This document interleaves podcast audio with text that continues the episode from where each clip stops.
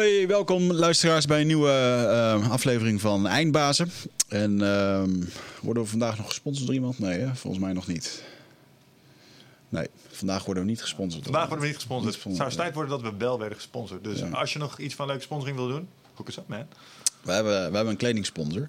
Dat voelt wel heel echt. Ja? Dat, eh, ja, Ja, dat was even een momentje. jouw pakket zat niet heel erg goed, maar eh, dat moet nog eventjes hervormd worden. Zal nog een keer een slag overheen. doen. Maar eh, ik heb gewoon weer een kledingkastje vol met, met lekkere broekjes en Ja. dingetjes. En, ja, Stond je goed, vooral de dat speedo's. Dat Vooral de speedo's, met, die met open voorkant. maar, ja, maar we kunnen de merknaam eventjes niet noemen, omdat... we, hebben, we hebben het nu natuurlijk niet aan. Ja, ik heb wel de broek aan, maar die kan je alweer niet zien. Dus, eh, maar goed, dat komt allemaal nog wel. Wij kunnen even helpen, potentieel. Ehm, wat, eh, we gaan het vandaag... eh, ja, gasten die zijn er niet, want die waren op vakantie... terwijl ze hier in de studio hadden moeten zitten. Dus als je dit hoort, lieve gast... hoehoe, better enjoy it. Ehm, maar we hebben besloten, oké, we gaan een leuke podcast doen over... ehm, eh, ja, zijn dit een beetje de, de vreemde hoeken van het internet misschien? Ja. Eh, dus, eh, de conspiracy-theorieën en allerlei andere internettheorieën die, die vermakelijk zijn, die, die om een of andere reden toch leven in de wereld. En ehm, ik heb jou gevraagd of dat jij een, een top drietje wil maken van, Ja. jou- van de dingen die jij hebt gelezen waarvan je misschien het jouwe van denkt. Ik heb dat bij mij gedaan. Ehm, dus voor degenen die dit luisteren, nou, ik, ik wil het vandaag eens eventjes hebben over eh, een aantal onderwerpen die ik wil aantikken. eh, waar ik wat over in heb gelezen, is eh, ook wel ernstige zaken. Zoals bijvoorbeeld human trafficking. En dan zeker ook met kinderen. Dat vind ik wel echt een heel kwalijk iets. En ehm eventjes puur met het gegeven dat er gewoon 800.000 kinderen per jaar verdwijnen in Amerika. Dat is echt gruwelijk fel. Ja, en dat er sommige dingen ook echt. eh, ik zag zelfs dat Aubrey Marcus, die is daar nu ook mee bezig. Die postte dat van de week.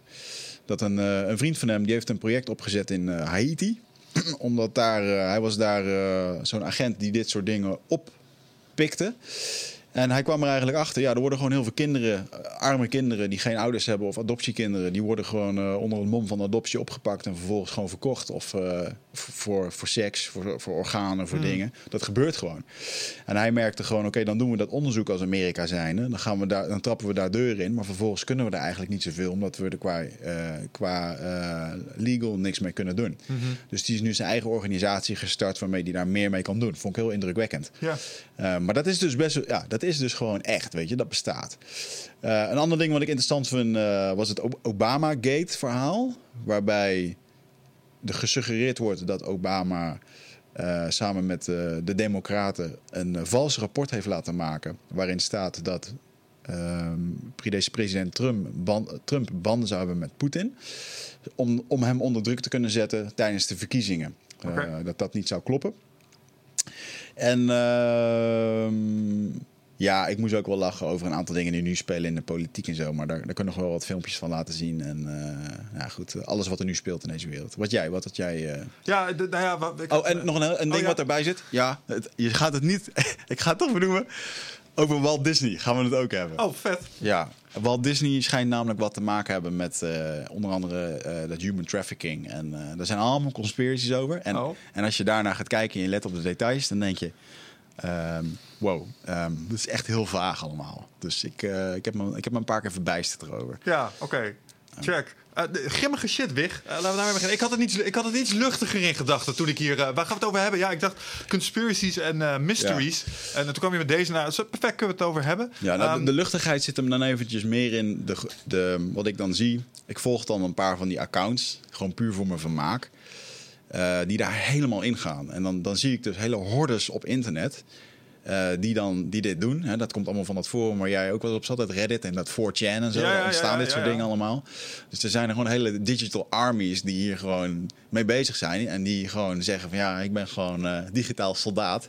We gaan dit eens eventjes exposen. Weet je? En da daar, uh, daar zie ik wel ook een soort van humor in dat dat gebeurt. En, als, je, als je echt de nitty gritty pols wil voelen van de conspiracy community... dan zijn er nog twee plekken waar je naartoe moet gaan. Dat is het Above Top Secret Forum mm -hmm. en Godlike Productions. Dat zijn ook uh, fora. En die, ja, die zijn helemaal into deze thema's, zeg maar. En dat is met, met name een beetje wat 4chan ook was voor memes. Ja. Zijn zij voor conspiracy theories. Ze, ze worden daar als eerst gepost, opgepikt door de, door de community... en dan vervolgens weer verspreid naar alle andere outlets... waar jij ze weer terugleest op Vice of wat dan ook, weet je wel. ja. Conspiracy theory is een term bedacht door de CIA om mensen een label te geven die aparte theorieën hebben die bepaalde dingen kunnen ondermijnen. Ja, Dus eh, iemand een conspiracy nemen betekent eigenlijk dat je een kritische denker. Nou ja, dan moet ik eerlijk zeggen dat ze niet allemaal even kritisch zijn op internet, maar, ehm, ehm, maar het is in ieder geval wel eh, een bepaald hokje waar men. Het is Ja. met een reden bedacht om mensen in een bepaald hokje te zetten. Eh, dus ik ben benieuwd waar jij mee. eh, Ja, nou, ik, ik denk dat, dat conspiracies, dat, dat, dat was mijn eigen fout, want ik appte dat terug eh, toen we zeggen, gaan we het over hebben dan. Ehm, maar wat ik eigenlijk denk ik bedoelde te zeggen, was meer, me- mede door wat we ook laatst eh, hebben besproken over Bob Lazar, een beetje fringe-achtige dingen. Er zijn een aantal van die onderwerpen die op het internet, zoals bijvoorbeeld UFO's, ik noem Ah. maar iets, of eh, de eh, Illuminati of de NWO, allemaal van die conspiracies die op het internet leven. Ehm, nou, waar er een aantal wel heel hardnekkig van zijn en waar ook hele eh, communities achter zitten. Als je bijvoorbeeld naar de ufologie kijkt. Nou, laatst was er weer een Joe Rogan, was er weer een auteur die met Bob Lazar had gewerkt. En daar worden documentaires over gemaakt. Het is een fenomeen, het is een, het Ja. is een ding, weet je wel. Ehm, en dat vind ik interessant. Ja. Dus ik dacht, nou, dat is misschien wel eens interessant om, eh, om het eens even over te hebben. Eh, een guilty pleasure van mij, waar ik zelf eh, nog wel eens wat eh, in zit te grasduinen, eh, vind ik, en dat is waar wij in het begin het helemaal over hadden in onze podcast, de Ancient Civilization hoek. Eh, Graham Hancock, Species with Amnesia. En, en dan met name richting ehm, ja, de, de Ancient Astronaut kant. Zeg maar. Hoe kan het dat sommige van die beschavingen zulke technologische advances leken te hebben, of kennis leken te hebben, die wij nu niet helemaal kunnen verklaren, tenminste niet in, in, in dat tijdsbestek. En dan, en dan vooral, ja, eh, Egypte is altijd boeiend geweest, de piramide. Ja. Waren die dingen nou eigenlijk echt, weet ja, je wel? ja, dat, dat vond ik... eh, dat is fascinerend. Ja. vond ik fascinerend. Eh, maar wat ik ook cool vond, en dat ligt een beetje tegen het, in het verlengde van Ancient Astronauts. ehm, en dat heeft te maken met een kant die Alex Jones al eens een keer is uitgegaan. Nou, dan moet je alles wat Alex Jones zegt sowieso met 5 kilo zout nemen. Maar dat is de Ancient Psychonaut. Ehm, theorie. En dat is dat wij als mensen, als je kijkt naar eh, beschavingen, hebben allemaal ook wel parallellen. En, en een van de dingen die ze allemaal gemeenschappelijk hebben, is het gebruik van entheogenics. Ja. Eh, en, en tegelijkertijd hebben ze ook allemaal geleerd hoe je piramides moet bouwen. Eh, en, en als je kijkt naar alle bijvoorbeeld ervaringen binnen de DMT-realm, nou, die zijn, er zijn mensen die zijn dat in kaart aan het brengen. Ja. Vind ik geweldig om ze af en toe van, nou, wat nou als dat het mechanisme is waardoor al die informatie gedeeld wordt? Nou, Ik weet niet. De, de, de, glo- de global consciousness, dat. Dat waren zo wat onderwerpen die ik had opgeschreven. Ehm, ja, is iets minder aards misschien als eh, waar jij eh, voor had. eh had Nee, maar, maar desondanks even- leuk, denk ik. ja, mezelf- om mezelf Even leuk. Ik Dus, bedoel, want, want Aliens, dat is natuurlijk ook een van de dingen waar, ehm, ehm, waar ik ook over wil gelezen heb, is dat. stel nu dat, dat er een overheid is die ons wil controleren. Controleren doe je maar op één manier en dat is door middel van, van angst. Hè? Mhm. en, eh, en, en wat ik een hele wat ik wel echt zie nu is dat je kan mensen eigenlijk niet controleren, eh, maar wel door middel van één ding en dat is dus technologie. Mhm. Want eh, ja, heel simpel, als je straks niet met een digitaal paspoortje ergens binnenkomt, dan, dan word je uitgesloten. Dus daarmee verbind je mensen, zeg maar. Of dat je straks allemaal met z'n allen aan die computer vast zit. En daar heb ik wel een paar, paar interessante theorieën over. Ehm, maar een van de wapens die dan ook nog zijn. Voor, nou, stel nu dat alle nepvirussen en bioweapons en alle andere dingen. Hè, die, wat nu dan volgens sommigen allemaal speelt. ehm, dat dat allemaal mislukt. Dan is er nog een soort troef. En dan kun je nog een toren in elkaar laten storten door een, eh, door een vliegtuig en zo. Eh, maar dan is er nog een troef. En dat zijn dan aliens. Ja? En er zijn best wel wat eh, mensen die nu zeggen: ja, maar wij worden wel echt al voorbereid, geframed. Dat er een keertje aliens komen. Er worden filmpjes vanuit de Pentagon worden ge- gereleased met van die UFO's en dingen. En ehm, ehm, dus dat, dat die 1% zou stagen dat er straks in één keer Ja. eh, die aliens boven New York hangen. Of, eh, Sterker nog, dit is een mooi moment om eventjes een eh, podcast-mijlpaal in te kunnen gaan. Mhm. Jabbo, wat we nu hier hebben, ik weet niet of we de overhead shot ook kunnen zien als je op YouTube zit te kijken. We hebben eigenlijk een scherm waar we dingetjes op kunnen googlen zo af en toe. ja. Eh, en en eh, nou, laten we dat eens een keer uitproberen. Terwijl we hierover verder kletsen, misschien kun je even googlen op ehm, een project. Er is een vrouw geweest die heeft een interview gedaan met een astronaut, net voordat hij overleed. En die astronaut zei het volgende. De laatste fase van de complete grab naar world control is het eh, holografisch projecteren in, in het luchtruim van iets van aliens of iets van God. Dus dat God terugkomt. Ehm, maar het idee is dat, dat als je dat ziet als mens, dat je helemaal om bent. Je bent echt, wauw, dit is echt waar. Dus we gaan nu, wat ik hier ook wel eens in de podcast Gert Geern zegt, het beste wat ons kan overkomen is dat we erachter komen dat er een ander ras is. Ja. Dat iets van ons moet, zodat we ons kunnen hè, uniten. Uniten, ja, ja. precies. Maar dat kun je omgekeerd even makkelijk inzetten om mensen tot conformiteit te dwingen. Ja. Je wil eigenlijk eh, in goede zin wil je de vibe creëren die we hadden na 9-11. Dat heel Amerika was united, Ja. weet je wel. Feitelijk wel. En nu is het weer één grote eh, andere puinzooi. Maar ehm, ja. Maar wat, wat moet er gegoogeld worden? Wat, eh, Nou, dat, dat, eh, ik, ik, ben, ik, ben de, ik ben de naam even kwijt. Project Blue, nog iets, wil ik zeggen, maar Blue Book. Maar dat was een ander UFO-project. Ehm, maar het had te maken met een, met een astronaut die eigenlijk zei dat ze mi- middels holografische eh, Hmm. projecties wilden ze mensen eigenlijk tot conformity dwingen. Als je het niet direct mag krijgt, no worries man. Ja, ik, ik ben wel heel benieuwd hoe dat, dat gaat. Ehm, ik doe me herinneren aan wat. ehm, Zou kunnen. het doet me wat herinneren aan wat geschriften van de Maya's. Of in ieder geval Zuid-Amerika-bewoners toen de Spanjaarden kwamen. Zij hadden nog nooit schepen van dat soort, ehm, van, van, van dat soort formaat gezien. En ook nog nooit paarden. Hmm. Dus er zijn wel wat geschriften dat men wel wat zag komen aan de horizon. Maar dat ze het niet goed konden bevatten wat het nou precies was. Ja, En ehm, eh, een van de, ehm, de legendes eh, is dat er op een gegeven moment eh, mannen met witte baarden uit de zee kwamen. En dat waren dan de vikingen of Spanjaarden. Of, eh, volgens mij waren dat de, vi- de vikingen hebben ook nog wel eh, daar... eh, huisgehouden. weet ik even niet ja, of dat goed zeg. Maar in ieder geval mannen met witte baarden. En volgens mij waren dat vikingen. Ehm, eh, dus ja, je weet niet waar dat soort verhalen vandaan komen. Maar in ieder geval, het ging eventjes over de registratie. Dat mensen niet goed konden registreren. Omdat ze het gewoon echt nog nooit gezien hadden. Nou snap ik dat als je in de jungle bent... en je woont daar en je hebt nog nooit iets van de outside world gezien... eh, dat het dan heel erg vreemd is om zoiets te zien. Ik heb een keer een stamhoofd voor het eerst een aankomende trein eh, zien ervaren, zeg ja, maar. maar. hij ziet hem wel. Dat hij geen concept, concept heeft van wat het is. Maar het is niet alsof Ja, eh, nee, jij ziet zeker. trein rijden en hij ziet niks. Zeker. wel. En hij, hij, hij- dan sta je natuurlijk al op een station in Amsterdam en dan ben je ook al met het vliegtuig gekomen, dus je bent niet helemaal wereldvreemd. Precies. Maar het was toch een bijzondere ervaring. dus laat staan dat er dan in één keer, ja. Eh, of, ik heb hier dat boek van Jimmy Nelson eh, eh, met al die stammen. Als ik daar dan zit te kijken en denk van ja, als ik nu op een gegeven moment toch besluit om met mijn paard gewoon een paar honderd kilometer te gaan lopen en deze gasten duiken in één keer uit de bosjes. Ja. Wauw, dan is het toch best wel. Ja, maar, maar wat ze dan zeggen, de, de- het fabel van dat ze eh, dan de schepen niet konden zien, eh, omdat ze niet wisten wat het schip was. Ze zagen die schepen wel, ze alleen geen wat dat ding deed. Bovendien, ze waren Ja. niet compleet idioten. hè. Ze leefden naast de zee. Ja, dus ze hadden waarschijnlijk zelf wel. ook wel iets van kanootjes of Ja. een vlot gebouwd. Ja. Dus ja, Ja, maar in ieder geval, de, dus stel nu dat er in één keer dat aan de hemel verschijnt. Dan, ik, ik vind het af en toe bijzonder hoe eh, zie je van die filmpjes in Rusland waar mensen met dashcams rondrijden en dat er in één keer een vliegende meteoriet ergens inslaat, weet je wel? En dat, dat mensen er echt naar staan te kijken alsof er gewoon een pakje peuken op de ja, grond maar dat valt. zijn Russen. Dat is een apart slag. Ja, maar het is toch gewoon een. eh, is toch, ja, ja, we, eh, en hoeveel argwaan erbij komt. Ik denk dat als het nu in één keer komt, zo'n verschijning. Ik ben heel benieuwd hoe, hoe ze dit willen. Als je dit wil stagen, hoe zouden ze dit dan doen? Dat kan door de media natuurlijk. Maar ik denk dat de media vandaag de dag.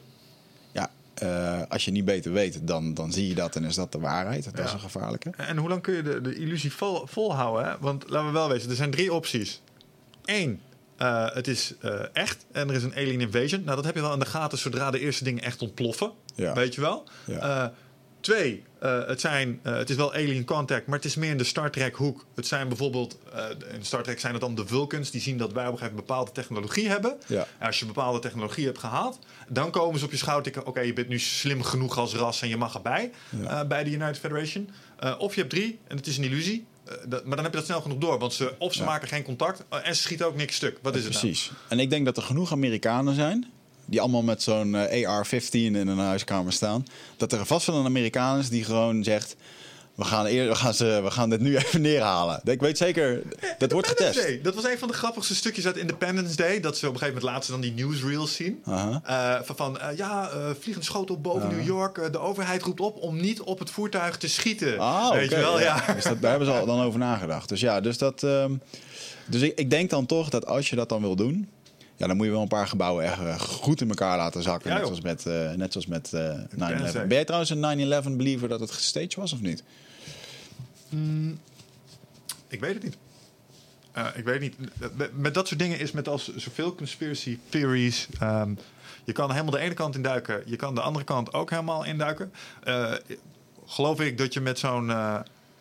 Dat er een samenzwering achter zat om die twee torens neer te laten storten? Ja, want, want er is een samenzwering nodig om die vliegtuigen überhaupt te kapen. Ja. Of het in gang is gezet door de Amerikaanse overheid zelf, dat weet ik niet. Maar misschien is het wel een effect van hun handelen. Met andere woorden, ze komen niet zomaar twee van je torens neerhalen. Dus daar heb je dingen voor gedaan als overheid. Dus je te veel bemoeit in bepaalde gebieden waar je volgens die mensen niks te zoeken had. Ehm, dus in zoverre zat er zeker wel een actie-reactie-component in. Maar ik weet niet of ze het zelf in scène hebben gezet. wat, ik, wat ik het meest frappant vind van ehm, dat verhaal is die, is die toren ernaast. Die heel toevallig, volgens mij zat daar een of ander administratief kantoor van de CIA. Ik, ik, ben- de details zijn vaag, maar er zat iets. Het leek niet in eerste instantie geraakt te zijn door de eh, initiële inslagen. Maar die is gemakshalve ook maar even ingestort. En ik geloof dat het voor een aantal mensen verdomd, verdomd makkelijk en fijn was dat dat gebeurd was. Ja. En, en er was nog zo'n feitje dat. Ehm, er zit een hele afdeling van een of andere eh, inlichtingendienst. Ja, dat zat ja, ja. volgens mij. En die waren toevallig ook op oefening. Weet Ja. je wel? Dat, dat soort dingen. Je denkt, ja, dat is frappant, op zijn minst. Ja, Ehm, ja, ja. Dus hoe zit dat dan precies? ja. Aandelenpoets.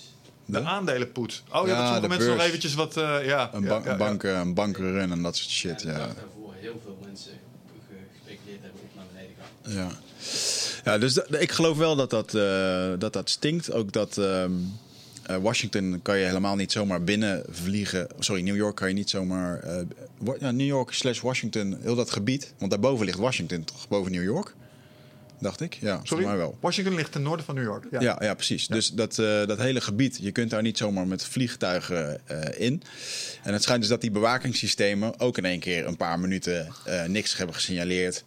Ehm, wat mij dan interesseert is, of wat, ja, wat me wel boeit, is dat de technische constructie van zo'n toren echt wel gewoon gemaakt is op: oké, dit kan niet zomaar instorten. En zeker niet zo recht. En zeker niet door eigenlijk een ja, wat zou je kunnen zeggen? Je zou kunnen zeggen dat er in één keer een bij ergens in een soort eh, toren is gevlogen. Daar zou die hele toren niet zo van mogen in mogen storten. Maar misschien wel als die bij vol had gezeten met... eh, nou, rocket meer, fuel. Nee, meer de. Nee, maar want dat, ja, dat was uiteindelijk al ontploft.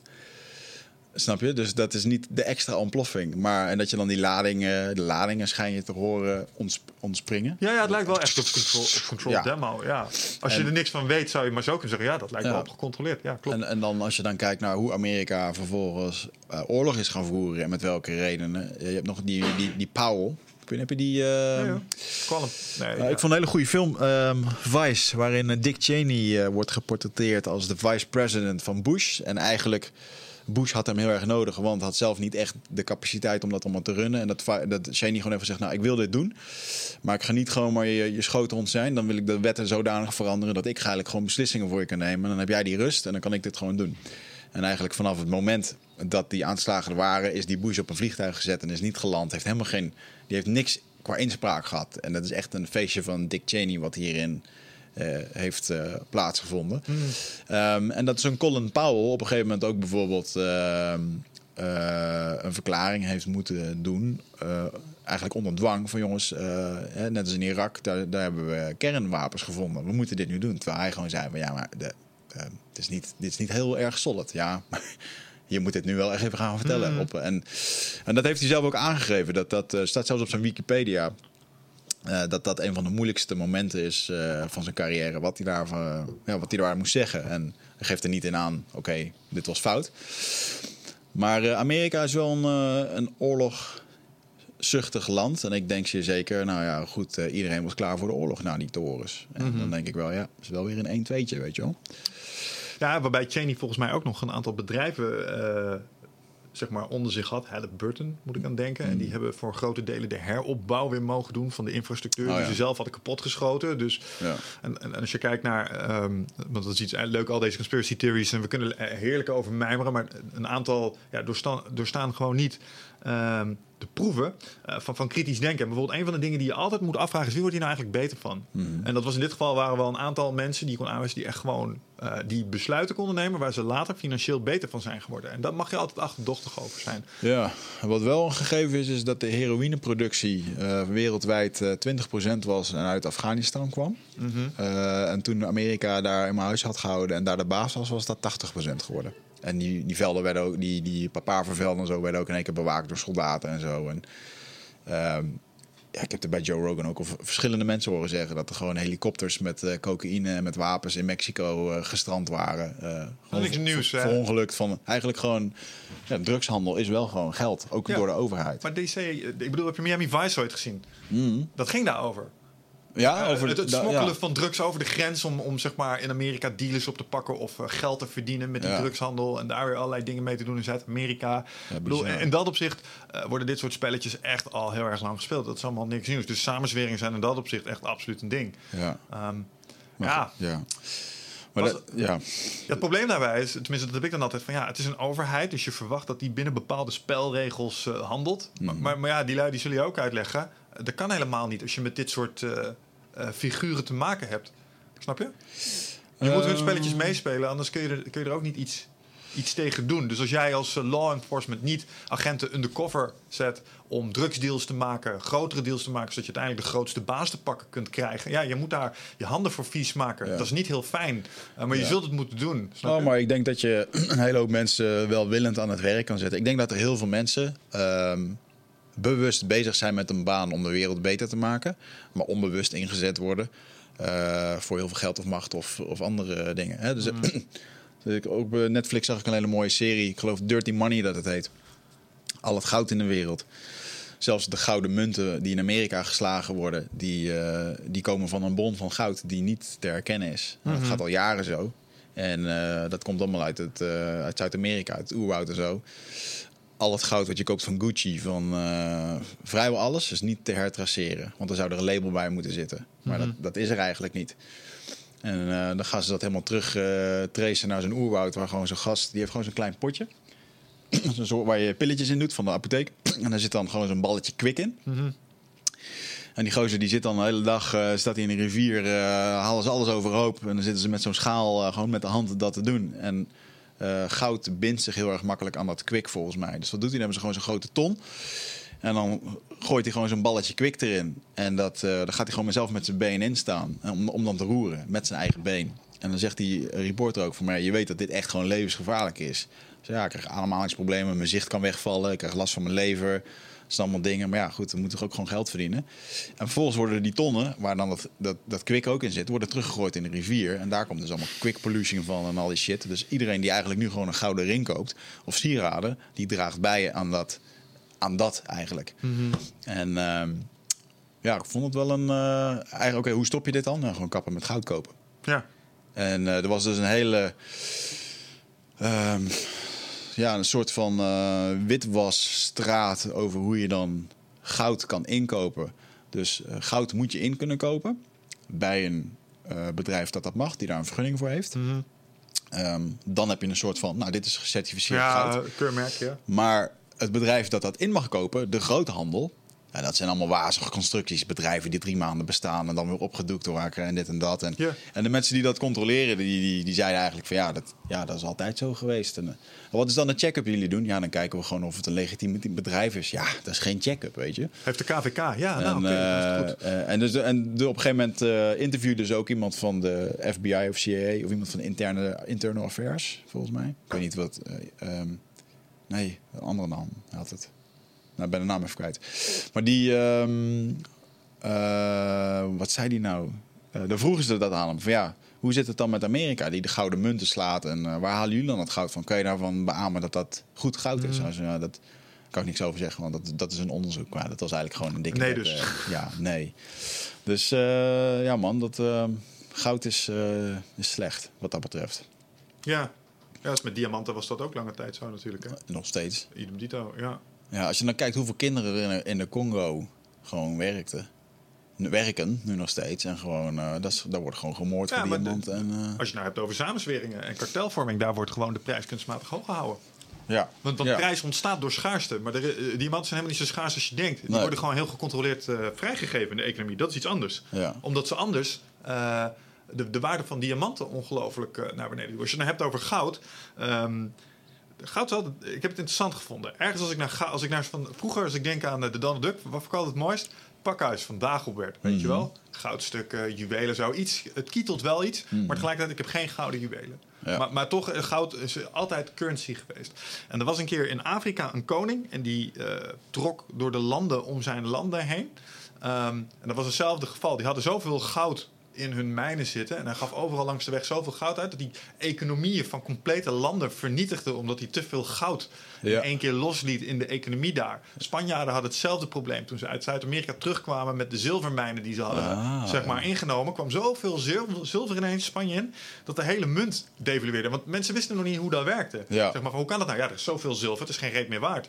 Ja. Eh, want het is niet schaars meer. Het moet zelfs- zeldzaam zijn. Ja, er schijnt dus zelfs al glas te zijn, wat ze kunstmatig kunnen maken. Wat helderder is, eigenlijk mooier, dan echte diamant. Dat geloof ik wel, ja. En ehm, eh, ik heb toevallig toen ik in... ehm, toen was ik 23, toen was ik op eh, Frans-Polynesië in Mauritius. Aan het backpacken. En toen sprak ik daar met een man die daar...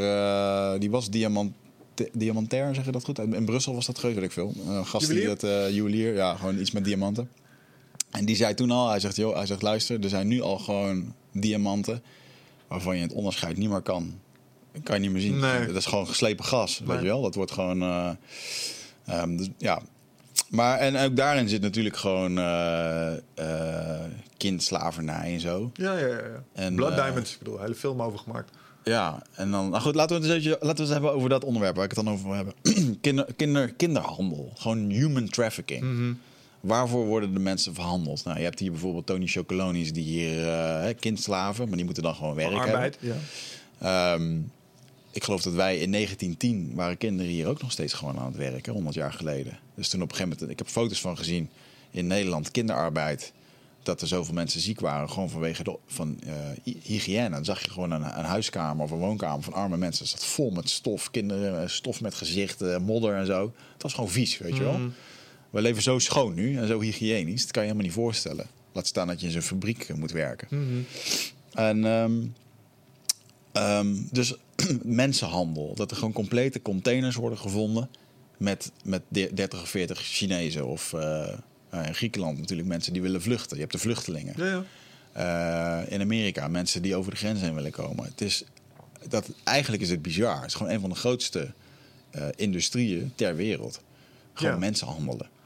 Ja, en dan denk ik dat je eh, nog een. eh, eh, ja, maar het gebeurt ook vanuit verschillende motivaties. Soms zijn het migranten, dus Mhm. economische vluchtelingen of Mhm. politieke vluchtelingen, die via allerlei donkere kanalen proberen, bijvoorbeeld in Frankrijk of vanuit Mexico naar Amerika of wat dan ook, op zoek naar iets beters. Ja. Daar heb je mee te maken. Eh, je hebt te maken gewoon met, met arbeid, slavenarbeid. Dus mensen die voor dingen worden gezet. Eh, eh, het werken in fabrieken, het werk doen wat niemand wil doen. Maar je hebt ook het, het prostitutiestuk.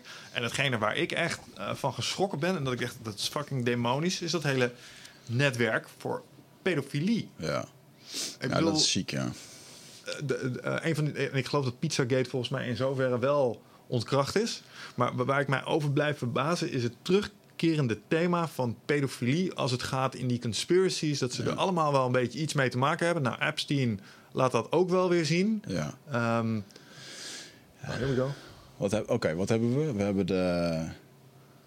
First voor ons, zo'n podcast first. We kijken nu naar een scherm waar wat data op Ja, voorschijn is probeer, getoond door wat Jabs. probeer je te laten zien hier? Eh, want we hebben nu convictions. Dit zijn er niet zo heel veel.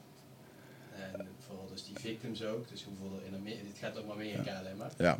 Nou, wat, wat een van de cijfers die mij dus eh, hiertoe bewoog... want ik, ik heb me dan eh, zitten inlezen van... oké, hoe goed is Trump nou voor bepaalde dingen? Wat doet hij? En sinds Trump aan de macht is... is het aantal eh, veroordelingen voor mensen die eh, eh, human trafficking doen... is in één keer echt gewoon verdubbeld. Daar is hij zwaar op in aan het zetten. Hij, Ja. ze- hij zegt dat ook. En het is heel bijzonder dat iedere keer dat als hij dat zegt in de media, van er zijn gewoon mensen die kinderen vermoorden met allemaal eh, rituelen en dingen. Hij benoemt dat gewoon bij de naam. En hij zegt, die moeten gewoon de doodstraf krijgen, die gaan we aanpakken. Mhm. Wordt niet uitgezonden op de CNN's en op de dingen. En bijna niet aan te komen. Terwijl hij dat gewoon continu loopt te zeggen.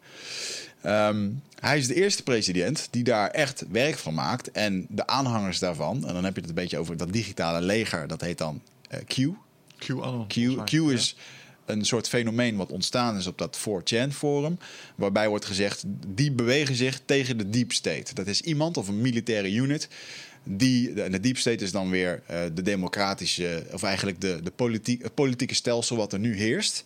En wat dus eigenlijk zo gestructureerd is dat het macht heeft over alles. Het is heel erg moeilijk om dat om te gooien. Jij, hebt- Bedrijven, jij hebt het eigenlijk gewoon over NWO, schaduwregering, die eigenlijk Ja. achter de schermen in schaduw, in eh, zeg maar donkere kamertjes besluit hoe het er echt naartoe gaat in de wereld. Ja. Kun, kun jij eens opzoeken hoe QAnon is ontstaan? Of Ja, dat voortkomt uit Anonymous van 4chan? ja, het komt van 4chan. Ja, want vroeger had je Anonymous. Eh, en Anonymous zijn die lui die zijn eh, bekend geworden van dat masker uit de film eh, V for Vendetta. Dat Ja. is hun, hun icoon destijds. Ja, dat is vind ik Pepe de Frog inmiddels ook. Als zij je willen pakken, dan maken ze gewoon een filmpje voor je. En dan exposen ze je daar gewoon. En dan gaan ze gewoon los op je. nou ja, wat die, wat, die, wat die lui... Het zijn gewoon in principe verveelde internettieners. Ja, dat geloof ik niet. Ik denk dat er echt mensen zijn die. Een, een aantal. Een aantal zeker. Een aantal zijn echt high-tech hackers. Maar ze- wat, wat ze zo interessant maakt, is dat ze steeds van die. Eh, ze krijgen dingen voor elkaar. Mhm. Bijvoorbeeld, eh, er was een keer iemand eh, die postte filmpjes op het internet dat ze kittens in de fik aan het steken was. Ja. Binnen Oh, 10 ja. minuten was het adres en de, de Google Maps van het voorhuis en zo was gewoon geplaatst. Van hier kun je de halen. En dat gebeurt dan ook gewoon. er is een docu van gemaakt, toch? Ook? Ja, Dat, ja volgens mij wel. Maar dat, dat, dat zoeken ze uit, dat soort shit. Shia LaBeouf, eh, die gast van eh, Transformers, Uh-huh. weet je wel, die acteur. Ja, ik ken hem niet, ik, ik- niet voor geest, maar. Eh, Maakt niet uit. Ehm, die heeft te veel centjes en die verveelt zich. Dus die, die, die steeds allemaal challenges op het internet. Zet hij ergens een vlag neer. Ehm, een Oh. kort filmpje ervan. En dan eh, zegt hij, oké, vind hem maar. Dan krijg je zoveel eh, dollar beloning. En, en dan gaan die lui op, eh hoe heet dat? 4chan, die gaan ermee aan de slag. En die kijken dan, en die horen dan, oh, er vliegt een vliegtuig over. Dat was ongeveer zo laat. De zon staat hier. Er staan dit soort planten. Moet daar zijn. Wauw. Dag later hebben ze het gevonden, weet je wel. Dat is goed, ja. dat is een genius. Ja, en is en als die lui het op hun heupen krijgen en ze moeten je niet... Nou, daar kan de Scientology-kerk over mee praten. Dan pakken ze je hard. Tenminste, zoals ze kunnen. En we gaan ze doen, dan, dan plukken ze je websites uit de lucht. Ja. Dan zorgen ze dat op je hoofdkantoor de telefoon non-stop gaat. Dat je faxen alleen maar zwart papier aan het printen zijn, weet je wel? dat soort geintjes gaan Ja, ze dat vind ik vet. Eh, ze hebben dat met Bill Gates hebben ze ook een filmpje van gemaakt. Eh, dat ze doorzien wat hij eh, volgens hun aan, aan het doen is. En ehm, die hebben ze ook eh, de website van de WHO, van de Bill en Melinda Gates Foundation, alles op straat gegooid, al die Ja. paswoorden en al die dingen. Maar om eventjes terug te gaan naar dat pedofiele netwerk. Dus wat er nu wat er gesuggereerd wordt, is dat er dus in die hoogste regionen, zelfs tot aan het konink, koninklijke toe, ehm, koninklijke kringen, ook onze Nederlandse regering wordt daarvan eh, beschuldigd dat daar eh, kinderhandel, pedofilie, satani- satanische rituelen en dat soort Ja, dingen. wat, dat wat dat zijn het? Wat Trump dus benoemd is dat, dat een, een deel van dat, van dat netwerk heeft ook satanische doeleinden. Ja. Rituelen waarin ze wordt ingezet. Ja. Dat ja. is creepy, man. Dus waar, eh, en dan, ik heb dus, en ehm, ja, ik, ik heb dus gewoon wat op lopen zoeken. En dan zie je dus inderdaad gewoon filmpjes waar ze gewoon eh ijsboksen van die, eh, van, van die soort, waar je, van die witte boksen, weet je wel, van die piepschuim dingen. eh, die de douane gewoon onderschept, waar gewoon eh 30 kinderlijken in liggen. Zie je gewoon kinderen met ijs, ziet gewoon in de kinderkleertjes liggen ze erin. Gewoon om, voor wat? Waar gaat dat naartoe? Gaan ze ermee doen? Illegale orgaanhandel is zeker een, handel. Nou, dan heb je natuurlijk nog de conspiracies dat ze, hè, dat Pizzagate gaat erover dat ze satanisch dat ze opgegeten worden en dat het kinderbloed dat dat andro, andrologeen of zoiets. Ja, dat- een of ander iets wat erin zit. Dat als je kinderen eh, laat stressen of zo en je drinkt dan dat bloed, dat moet dan verjongend werken en zo. Nou, er gaan hele theorieën over dat Hillary Clinton heeft bijvoorbeeld altijd een potje eigen ketchup bij zich. Ja. Dat, dat, schijnt, dat heeft ze al jaren. En dus iedereen Gewoon zit erop. kinderbloed. Dan, dan zit ze gewoon, eh, ja, zit ze weer kinderbloed eten. Kijk maar met het potje. En iedereen gaat er helemaal op, weet je wel. Dat gaat super ver. Er zit er wel een grote maar aan. En dat is de, ehm, bijvoorbeeld die Epstein die nu gepakt is. En wat echt een kinderhandelaar was, wordt nu ook gepakt. Een vraag. Hoe kan het zijn dat die Ghislaine Maxwell, zijn, zijn compagnon erin, die is laatst opgepakt. Hoe kan het zijn dat er 24 jaar niet naar dit is gekeken? 24 jaar geleden was de eerste melding hiervan van... hey, dit klopt niet, kindermisbruik. en eh, ze werden dus ook heel erg beschermd door dan die democraten en alles wat er in die, die cirkels eh, hangt. Nou, nu begint dat dan een beetje los te lopen. En ik denk toch dat er een bepaalde zere plek is geraakt. Want ik had er toevallig net een, eh, ik had een, een screenshotje van gemaakt van wat ik dan had gezien. Ehm, nu is meneer Epstein, nou, die is dan opgepakt. Die heeft zichzelf zogenaamd opgehangen. Ik denk niet dat dat is gebeurd. Hè? Want toevallig vielen de camera's uit. Eventjes. De bewakers lagen per ongeluk te slapen een kwartiertje. Nou, die, eh, die Maxwell die zit nu in de gevangenis. Die heeft papieren kleding aan. Heeft geen lakens en dit en dat. En ehm, die mag niet naar buiten. En die wordt pas over een jaar berecht. Moet je je voorstellen dat jij in een cel zit, in papieren kleding, geen lakens, helemaal niks. En pas over een jaartje Waarom word jij berecht. Waarom zo lang? Ja, want ze willen die case natuurlijk gewoon fucking hard maken. Plus, zij heeft al die adressen. Zij kan nu bijvoorbeeld zo'n Prins Andrew zou ze er kunnen aannaaien. Of ze, zij weet alles wat daar is gebeurd. Ja. Dus de vraag is nu... eh, ze gaan waarschijnlijk die case zo waterdicht maken... dat ze de langste straf krijgt. Zij is nu ergens in de 60. Als ze 35 jaar krijgt maximaal... wat nu geloof ik de eis is... Nou, dan kom je er niet meer levend uit. Nee. Dus het kan best zo zijn dat als zij gaat praten... dat ze dan nog de laatste 20 jaar van haar leven... ergens op een onbewoond eiland witness protection... zou kunnen gaan genieten. Je kan een deal maken. Oké, ja. nou nu komt het. Ehm, die Epstein, die was natuurlijk een hele rijke man. Die investeerde voor de rijken, et cetera. Deed ook natuurlijk zaken met de Duitse bank. En de Duitse bank, die heeft met hem deals gesloten. Maar een Duitse bank, die moet goed zijn werk doen. En die moet deals gaan maken met mensen die te vertrouwen zijn. A.k.a. mensen die niet veroordeeld zijn en dat soort dingen. Ehm, ik ken bijvoorbeeld iemand in Os die veroordeeld werd voor, eh, eh, voor drugshandel. Omdat hij daarin... ehm, ehm, eh, actief was. En die kreeg op een gegeven moment gewoon netjes een briefje van de Rabobank van... hey, we hebben vernomen in de krant dat jij die en die bent. Je kan niet meer onze rekening, want wij willen alleen maar werken met mensen die schoon zijn van schrift. Weet je, dus op dat niveau gebeurt dat al. Nou, anyway, eh, nu zijn er dus eh 80 miljoen aan leningen door een bankier van, de, van, eh, in, van Epstein, die zijn geregeld. Nee, ik zeg dit verkeerd. Ehm, de Deutsche Bank die heeft nu investeerders die klagen van luister, jullie hebben van ons geld gevraagd en jullie hebben met Epstein gewerkt en hebben daarmee deals gedaan. En eigenlijk heb je met ons geld aan zo'n crimineel gegeven. En daar gaan we nu moeilijk over doen. Er is een rechter in Amerika die heeft vijf dagen geleden die zaak aangenomen. En eergisteren is daar een FedEx-bezorger, verkleed iemand als een FedEx-bezorger, die heeft aangebeld en die heeft haar man en haar zoon doodgeschoten in het huis, terwijl zij in de kelder was. En waarschijnlijk hebben ze haar dus niet gezien. Gewoon acht keer in zijn lichaam gepompt. De Ja, zoon ja. ook pap, pap, pap, weet je. Gewoon Jason Bourne shit. Dat is raar. Dat is op zijn Dat is minst opmerkelijk, ja. Nou, en nu is het ook dat de persoonlijke bankier van die Epstein... die ervoor heeft gezorgd dat die gast 80 miljoen in lening heeft kunnen hebben... heeft zichzelf toevallig opgehangen Heel toevallig. deze week. Ja, kon het niet meer aan. En ja, weet je, dus dit soort. En dit, eh, we zitten echt nog maar aan het begin ervan. En eigenlijk zit ik wel met een soort van popcorn voor mijn, voor mijn computer. Zit ik iedere keer dit soort dingen. En denk ik, ja, ik vind het ergens wel mooi dat de transparantie van het internet dit soort dingen wel eh, laat zien. Ja. Ehm, en dat dus die, die, die kinderporno dingen, er schijnen dus hele kringen in Hollywood in te zijn. Er gaan allemaal geruchten over. Er komen steeds meer mensen vanuit de kast. Ook Mel Gibson die heeft dit bijvoorbeeld aangegeven. Maar er schijnen bijvoorbeeld ook heel veel acteurs in involved te zijn. Waarvan je denkt, bijvoorbeeld een Tom Hanks. Waarvan ik denk, oh lieve gast, wordt helemaal uitgekotst door die, door die, theorie, door die theoriegasten. Omdat er van alles mis mee zou zijn en die, die daar ook middenin zou zitten. Ehm, en nu hebben we natuurlijk ook nog een Hillary Clinton die voor moet komen eh, voor de rechter. En daar hoor je eigenlijk bijna, bijna niks van in de media.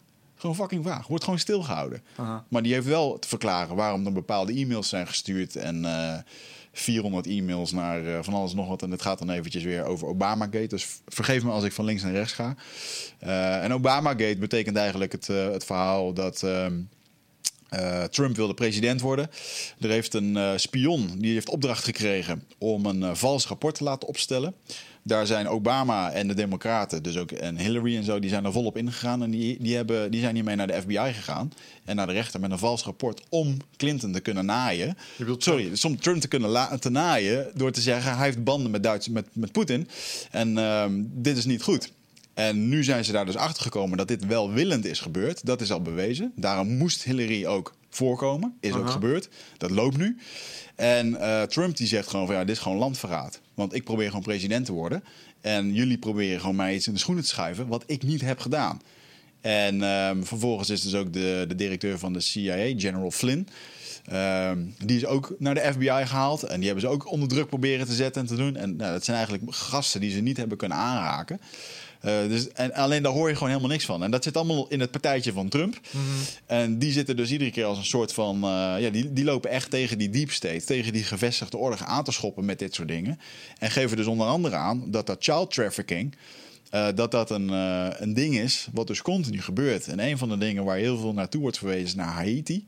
Wat een derde wereldland is. En wat een van de grootste human trafficking bronnen van de wereld is. Uh, A, vanwege de armoede. Maar B, ook nog een keertje omdat het dicht is bij Amerika. En dat al die foundations van, van een Hillary Clinton en Bill... of ik weet niet even Bill... Sorry, Bill weet ik even niet. Ja, Bill en Hillary Clinton zijn ja. hetzelfde. Al die Bills. Alle Bills zijn slecht in deze wereld. um, maar uh, en dat daar dus hele foundations worden opgezet. En uh, toevallig heeft Aubrey Marcus gisteren nog een, een e-mailtje gestuurd...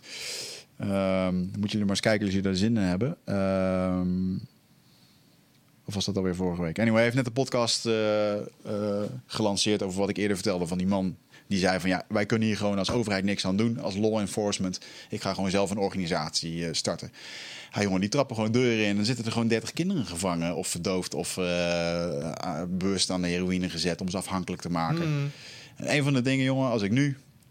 Um, als ik daar nu aan denk. Ik heb nu een dochtertje, Lea. Als ik ik kan tegen jou zeggen, moet je eens voorstellen dat je dochter wordt gepakt. Dat, dat kan je niet voorstellen als je geen kiddo hebt. En ik, denk dan nog wel eens terug aan die film van Man on Fire, waar Denzel Washington in uh, Mexico zo'n meisje moet beschermen als bodyguard. En die wordt dan gepakt en die wordt dan ook verhandeld en zo. En dan zie je dat allemaal denk ik, fuck man, dat gebeurt gewoon echt. Weet ja, man. Je? Zo fucking gruwelijk. Heb je teken wel eens gezien? Ja, ja, ja zeker. Hetzelfde verhaal. Ja, ja. Ja, is echt. Uh, en ik heb, ik heb vorige week toen uh, Marieke uh, weg was, heb ik stiekem Rambo zitten kijken in mijn eentje. Ah, de laatste. Ja, heel wordt het ook. Wordt zijn, oh, okay, wordt zijn, wordt zijn nichtje wordt, door een Mexicaans kartel ook platgespoten en verhandeld en verkracht. Mag jij geen schietfilms kijken thuis? jawel, maar dan, iedere keer als ze dan op iTunes zitten, zeggen, zullen we Rambo kijken? Nee. ja, dus dan heb ik even tijd om alleen te kijken. Maar ehm, ja, man. En, en eigenlijk vind ik het best wel bijzonder dat we maken ons heel erg druk over een virus waar dan duizend mensen aan overleden zijn. Iets meer. Um, maar er worden 800.000 mensen gewoon vermist in Amerika. Kinderen. En met alle technologie die we hebben, al die mobieltjes, al die camera's overal, gaat dat een soort. Is, is dat maar gewoon een normaal? Is het een gegeven? Hmm. En dan denk ik echt, ja, nee, daar, daar klopt iets niet in. Ja, en wat ik me dan, wat ik me dan afvraag, dus ik heb mijn meest paranoia momenten. Als ik dan dat soort dingen lees en ik zie dat. En, en je kijkt naar andere dingen die die elite doen. En, en je verdiept je in de Illuminati en de NWO en de Rothschilds. Wat is het toch dat als mensen maar genoeg centjes krijgen... dat ze altijd van die excessieve dingen willen gaan doen. En dat, dat dit er een, soort van bij hoort. Want dat, volgens mij hebben we het de laatste keer ook over gehad... over de Bohemian Grove. Komen dan alle rijke mensen samen. Mhm. Eh, en die hebben allemaal vage rituelen. En als je op de website leest van de Bohemian Grove... ja, nee, dat is gewoon een toneelstuk dat we opvoeren. Elk jaar. Ja, die... Uh, dat L-beeld, dat zal allemaal wel. Maar als je dan de conspiracy kant in duikt, die zeggen ja, maar dat is Moloch. En als je Moloch op zou zoeken, dan zou je zien dat is een of andere duivelgod uit het oude Sumerië. Mhm. Eh, en die wordt aanbeden en die geeft macht als je dat doet. Wordt ook wel weergegeven als een stier. En dan denk ik, oké, dat is interessant. Nou, dan zeg jij, uh, een heleboel van die kinderen die worden ook voor satanistische rituelen worden die ingezet. Ja. Um, en als toch ook maar zou worden bewezen uh, dat bijvoorbeeld in die hele app zijn affaire dat een deel van die shit voortkomt uit eh, uit satanistische rituelen, dat dat er echt achter zit. Dat er occulte motivaties achter zitten. Mhm. Dat is fucking creepy. Want waarom zijn al die machtige geluiden zo machtig? En waarom zijn die allemaal zo druk bezig met het occulte? Weet je wel? Wat, wat, wat, is daar te halen dan? Zit daar, zit daar misschien echt iets? Maar daar zit die mevrouw Mariana Abramovic of iets. Dat is een of andere rijke Jezus, zeg, dat is drie keer achter elkaar Ja, doe eens eventjes uh, Abramovic. Ja, Marina Abramovic. Dat is een performance kunsteres, maar die zit heel erg in die satanistische dingen. Hmm. ik hoorde Lange Frans daar van de week over, die zei dat heel goed. Moet je je voorstellen dat je gewoon in een huiskamer zit. En jij hebt daar gewoon een schilderij hangen van 2 bij 3 meter. Je bent kunstenaar of niet, van kleine kinderen die vastgebonden zitten met hun handjes en een soort duivels satanisch-achtig iets. Oh ja, en dan, uh, omgekeerd kruisen. Ja, en typ ja, typ, kijk eventjes op het scherm mee. Kijk, en typ daarachter is eventjes spirit cooking. Dus deze dame, die zit, in, zit bij al die elites, staat op de foto. Uh, stond zelfs in de, net voordat corona uitbrak in een reclamespot van Microsoft. Die ze twee dagen later offline hebben gehaald. Omdat ze gewoon, ze werden helemaal afgemaakt. En um, deze mevrouw die uh, wordt dan beschuldigd dat ze uh, dat de spirit cooking, dat er inderdaad uh, kinderen gegeten zou, zouden worden op dat soort rituelen. Volgens mij kwam dat ook in een set van die gelekte e-mails naar voren, dat er dat soort spirit cooking feesten werden gedaan. Kun je eens kijken wat spirit cooking is? Want volgens mij staat ook iets met bloed en andere fijne lichaamssappen. ja, en ik, ik, ik heb ook wel in gemerkt dat, dat vind ik dus wel, als het dan gaat om censuur. Um, die gasten, die conspiracy dingen, die zitten, er, die, die zitten daar wel heel erg op. Wat eerst zichtbaar was en nu in één keer verdwenen is. En dat, is, dat vind ik wel mooi. Dan zie je in één keer van die shots, screenshots, die ze dan allemaal bewaren en hele archieven van maken.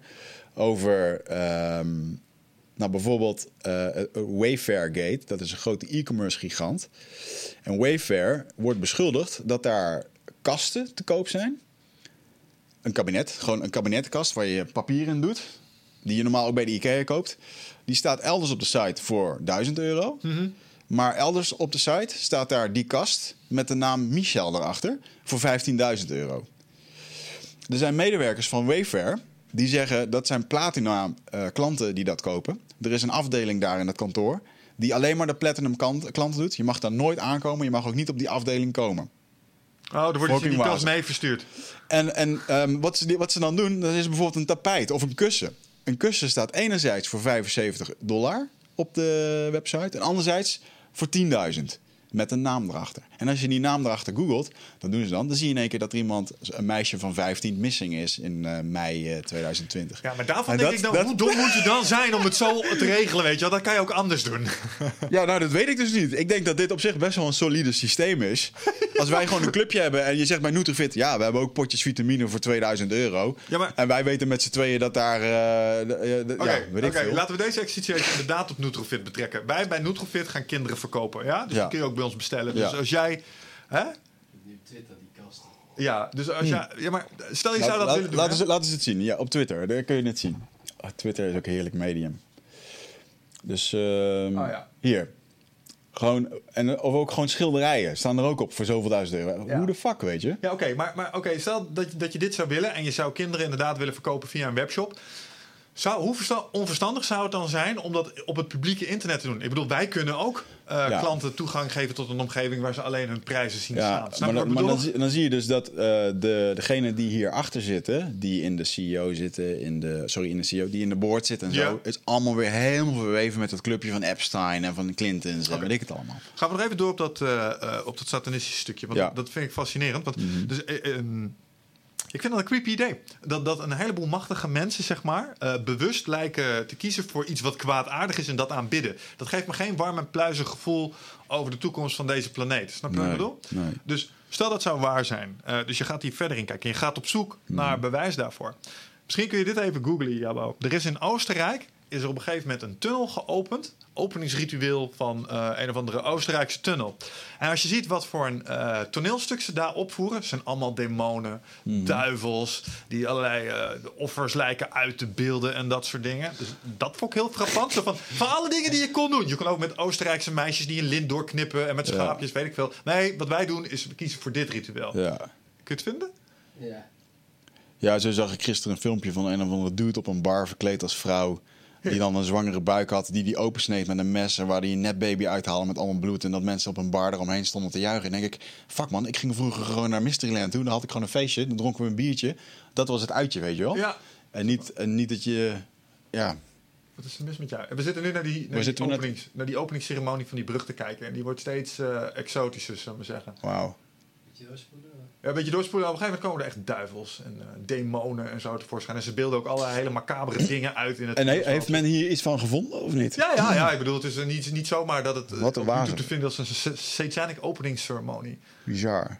En wat, was het, wat vinden mensen hiervan? Wat is het idee hierachter? Nou, dat, dit, ze eh, het heel opmerkelijk vinden dat er dit soort eh, symboliek wordt gebruikt om een, eh eh, een ogenschijnlijk onschuldige tunnel te openen. Waarom kies je hiervoor? Ja.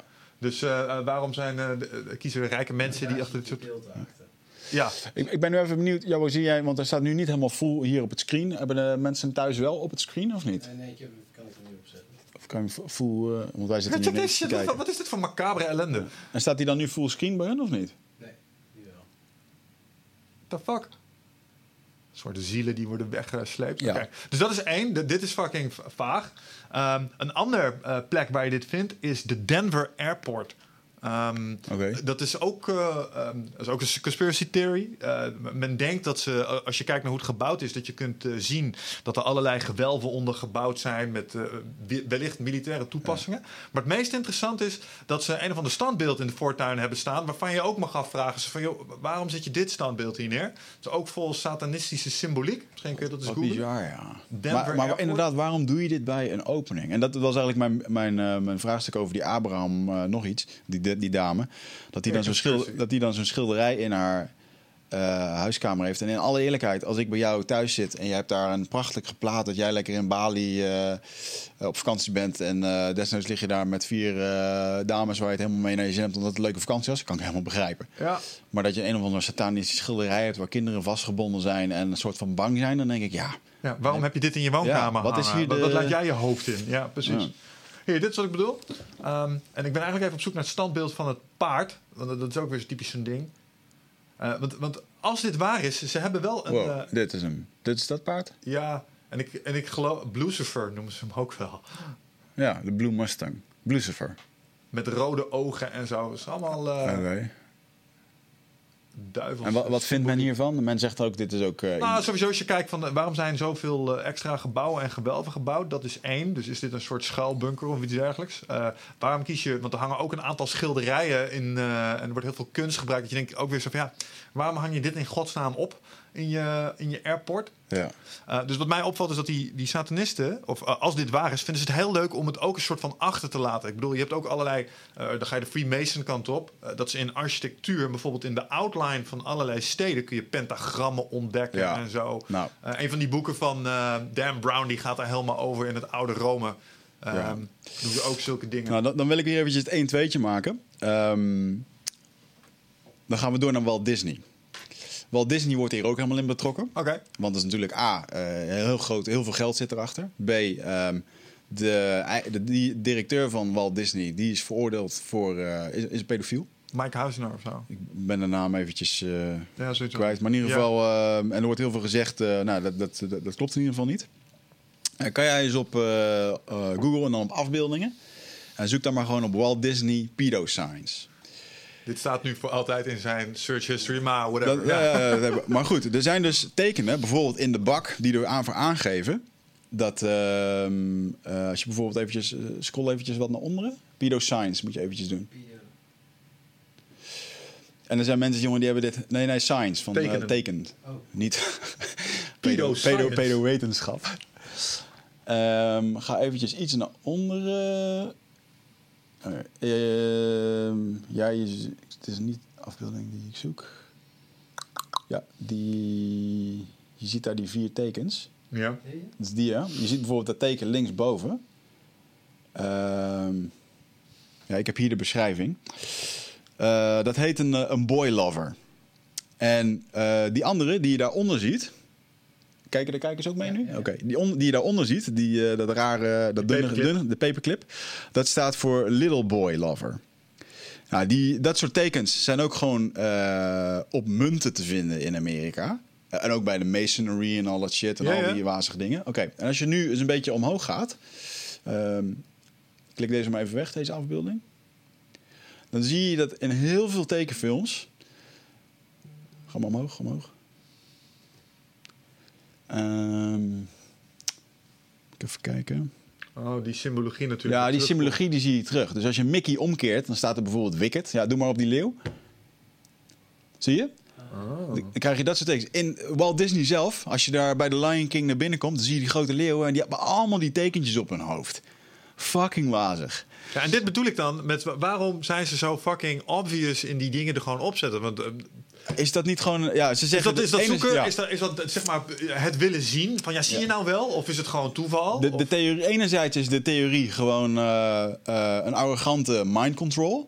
Gewoon, gewoon het doen en eh, gewoon het, het volk voor de gek houden. Ja, anderzijds noemen ze het programming. ja oké. Ehm, en ja, tekens. Tekens, hè? Dat gewoon een soort van. Want dat hoort dus wel bij dat satanistische. Net wat je zegt, iets achterlaten.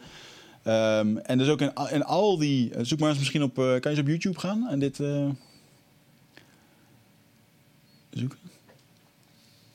En dan eh, Walt Disney en dan eh, co- Conspiracy of zo, weet ik veel. Maak er iets leuks van. Dat is niet hoe je wel Disney speelt, ja. En ehm, even kijken. Ehm, ja, doe, doe die, die, die 10. Nou, dat zijn er wel 14 minuten, dat is wel echt heel lang. Daar kan ook die mannen worden gepoeld. Nee, dan. eh, Maar wat, wat was een van de dingen die je daarin gezien hebt? dat het woord seks in heel veel eh, Oh ja. eh, tekenfilms terugkomt. Er zijn stils te vinden waarin gewoon afbeeldingen van naakte mensen op de achtergrond in Disney-films gewoon te vinden zijn. Ja. En Nee, ehm eh, al die kutreclames. Maar is dat satanisme of zijn dat gewoon verveelde tekenaars die denken: oh, dit is grappig? Nee, maar dus ook gewoon als je bepaalde. eh, ehm, even kijken hoor. Als je bijvoorbeeld. ehm, Monsters Inc. Die had ook een paar keer. Monsters Inc. eh, Conspiracy. Iedereen kent Monsters Inc. toch? Ja. Ehm, dan zie je bijvoorbeeld. eh, even kijken. Ik zie je niks. hè. zie je een tekening op, de, op, zijn, op haar kamertje hangen of zo. Met allemaal wazige... ja. Ehm, doe dat eens eventjes. Eh, zo. Nou, doe maar even op Google. En dan ga je naar eh, eh, Monsters Inc. Dat is die tekenfilmserie. En dan doe je Conspiracy. Ik zit te kijken hoe Jabbo tikt en hij kan het niet. Monsters Inc. dat scherm kijken. Monsters Inc. en dan Conspiracy. En dan op afbeeldingen. En dan zie je die grote, die blauwe beer, die zie je op een gegeven moment met zijn hoofd uit de kast komen. En dan hangt er een tekening langs. Images. En dan, eh, ja, die Oh ja, derde, die derde, die derde, die derde. Oh ja, ik zie het. Ah! Uncle Nigel, mom, En wat zien we dan? Dan zien we een tekening. Zo, wat een, Spinterest. nog een keer erop. Is het niet fake? Nee, dat is, ja, dat overal vind je dus van dit soort dingen. Dan zie je gewoon een tekening van Uncle Roger. Die, eh, ja, Ja. iemand van achter aan het nemen is. Wat je ziet is een kindertekening en je ziet een, eh, eh, een meneer achter een gebukte mevrouw staan in stickfigure. En Ja, daar staat hier. Uncle Roger en daaronder Mommy. Oh, maar we zien nog meer entries hier over wat er dan... wat zou hier dan de rare entry moeten zijn? Ga zo naar beneden. Easter eggs noemen ze dit R-rated Easter eggs. Nou ik weet dan even niet wat die is, maar... eh, ja, dat zouden dan een, paar borsten moeten zijn bij Mickey. Ah ja, ja, ja, ja, ja. Oké. Want je ziet het. Fucking wazige shit allemaal. Maar ja, luister nogmaals, zijn dit artiesten die gewoon een lolletje maken onderling? Want eh, het feit dat je bij Disney werkt wil niet zeggen dat je Nee. een seksdrive hebt. snap? Nee, dat klopt. Hier, die Pinocchio. Pinocchio is een schaduw, of hoe heet die? Peter Pan is een schaduw. Die eh, voor achter een of ander scherm bij het theater een schaduw nadoet. En op het moment als die eh, springt in die schaduw, dan heeft die schaduw in één keer een piemel. Dat is een dolk, jongen. Nou ja, dolkje. ik, ik geloof... Ja, goed. Ja, dat geloof ik niet. Dat, snap je? En er zijn allemaal van dit soort wazige dingen. En ik snap, hier kun je helemaal in... Je kunt altijd alles wel vinden. Maar sommige dingen vind ik wel gewoon... eh, Ja. vind ik wel awkward. Nou ja, maar, maar, maar dus eh, stel- je voor... Hè, Oh, en, en nog eventjes de laatste klapper voor Walt Disney, dan hou ik erover op. Walt Disney had ook bootreizen naar Haiti? het eiland van Epstein. Oh. Ja. Maar we hebben die tegelijkertijd... eh, dus eh, toen Walt Disney doodging, hoe oud was Epstein toen? Eh, Nou, ik geloof niet dat het over meneer Walt Disney puur zang zelf ging. Oh, maar, Maar meer vanuit- gewoon bootreisjes Ja, naar dat eiland. omdat Disney gewoon een, is een van de grootste mediamagnaten en een van de, van de ja. natuurlijk. Dus dat heeft, en die hadden gewoon, eh, die hadden gewoon cruise reizen daar naartoe, naar dat eiland. Mhm. En waar komen heel veel kinderen? Wat, wat, is een perfecte, Ja, ja. wat zou een perfecte plek zijn om kinderen uit Haiti naar Disneyland te brengen? Om ze daar op een boot te zetten en dan naar zijn eiland te doen? Ja, dan denk je, ja, dat zou logisch zijn. Oh zo, het is gewoon logistiek optimaal bedoel Ja, dus dat zijn. eh, eh, maar goed, in ieder geval, eh, tja, weet je of dit allemaal waar is? Ik weet het ook niet. Ik hoop het niet. Maar ik, ik zie wel dat, en ook door de geschiedenis heen. Ja, je kijkt maar naar een oude serie van Rome en de Romeinen. Eh, eh, als je nu nog kijkt naar Afghanistan. Ik zat laatst een, een serie te kijken over een Nederlandse journalist die met de commandotroepen daar was. Dus een serie van die staat online. En dan staat er gewoon een Afghaanse commandant met een jong jochie. En dan vraagt hij ook van, maar is dat gewoon, is dat een soort status? Ja, dat is gewoon een statussymbool. Gewoon een jong jochie van 14 jaar dan eh, status. Dat gebeurt gewoon nu nog, weet je. Ja man. En, en ja, ik... ik eh, Ah, dat is, dat is echt fucking gruwelijk. Ik luister veel Jocko en dan luister je hoe dat gaat. Dat, ze, dat soort jochies worden gewoon de tanden uitgetrokken. Wauw. Om het, het ultieme seksspeeltje te maken. Ja, het is echt verschrikkelijk. Ja, ja. Wow. Ja, ja, ja, dat is echt... Dat is eh, bruut, ja, en dat bestaat nu nog. Ja. Ja, dat is echt verschrikkelijk. ja. En, en, en dan denk ik wel eens van ja, oké. maar hier is dus, er zijn dus weinig overheden... of eh, media die hier dus ook niet over praten... die hard tegenin durven gaan. En ik moet dus heel erg lachen. Onze toekomstige president Kanye West... die, die loopt dus gewoon dit soort dingen te zeggen nu in zijn tour, weet je wel. En ehm, eh, enerzijds denk ik... ja, dat soort dingen laten ze niet zien op CNN. Maar ze laten wel zijn tweets naar zijn vrouw zien... waar die allemaal, weet ik veel wat, allemaal... eh, ik hoop bij God niet dat Kanye West president wordt. Maar ik zie nu wel... Kijk nu eens gewoon naar wat de media laat zien. En kijk dan eens echt naar het filmpje wat er echt is in gezegd. En, en dan, dan zie je ook die conspiracy-gasten die dat dan online op die forum zetten. Eh, die laten dan de twee kanten zien. En, dan, dan, en het neigt toch iedere keer weer naar de kant eh, dat dat allemaal kut is. En wat is dan wel goed? Ja, het enige wat goed is, is de democraten. En dan kom je toch weer terug. Oké, maar waarom is het dan? Ja, die dat, dat, doet, dat doet Fox aan de andere kant net zo. CNN die doet dat voor de, eh, voor de democraten weer. Hmm. Ehm, maar ja, waar we het over hadden, even, even terug naar waar we het over hadden, zeg maar, de, de ble- het blatant eh, laten zien van deze dingen, dat, dat vind ik aan de ene kant dus eh, een creepy ding. Ja. Eh, en het laatste wat ik nog eh, als voorbeeld heb, want dan maak je het rijtje van Disney af, dan ga je even terug naar de katholieke kerk. Dan moet je voor de grap eens googlen op eh, de troon van de paus. Ik weet je dat ding wel eens gezien hebt. Dat, serieus, daar zit hij dan voor. Lijkt wel een scène uit Star Wars, jongen. Waarbij de emperor, de evil emperor, voor zijn troon zit. Vooral die voorgaande paus. Deze is wel sympathiek, maar die daarvoor... Deze, die leek letterlijk op Emperor Palpatine van eh, Star Wars. Dat is geen good guy, voor als je de films niet kent. Eh, het is echt een bad guy. En dat is ook een, eh, een troon met allemaal satanistische symboliek erachter. Mensen die uit de hel lijken te komen of zo. De laatste kaarten zijn beschikbaar voor het Rite of Passage Retreat op 24, 25 en 26 mei. Ben jij erbij? Het is een volgende stap in je persoonlijke groei. Eh, een weekend waarbij de belofte is dat het een tikkeltje oncomfortabel gaat worden. Maar daar ligt natuurlijk wel gewoon de groei om meer helderheid te krijgen in je leven. Om uit je hoofd te komen, in het lichaam. ehm, achter te laten wat je niet meer dient. En om echt de volgende stap te maken door de oude patronen te doorbreken, te doorzien, te doorvoelen en, en te helen. En daarvoor wil ik je heel graag uitnodigen.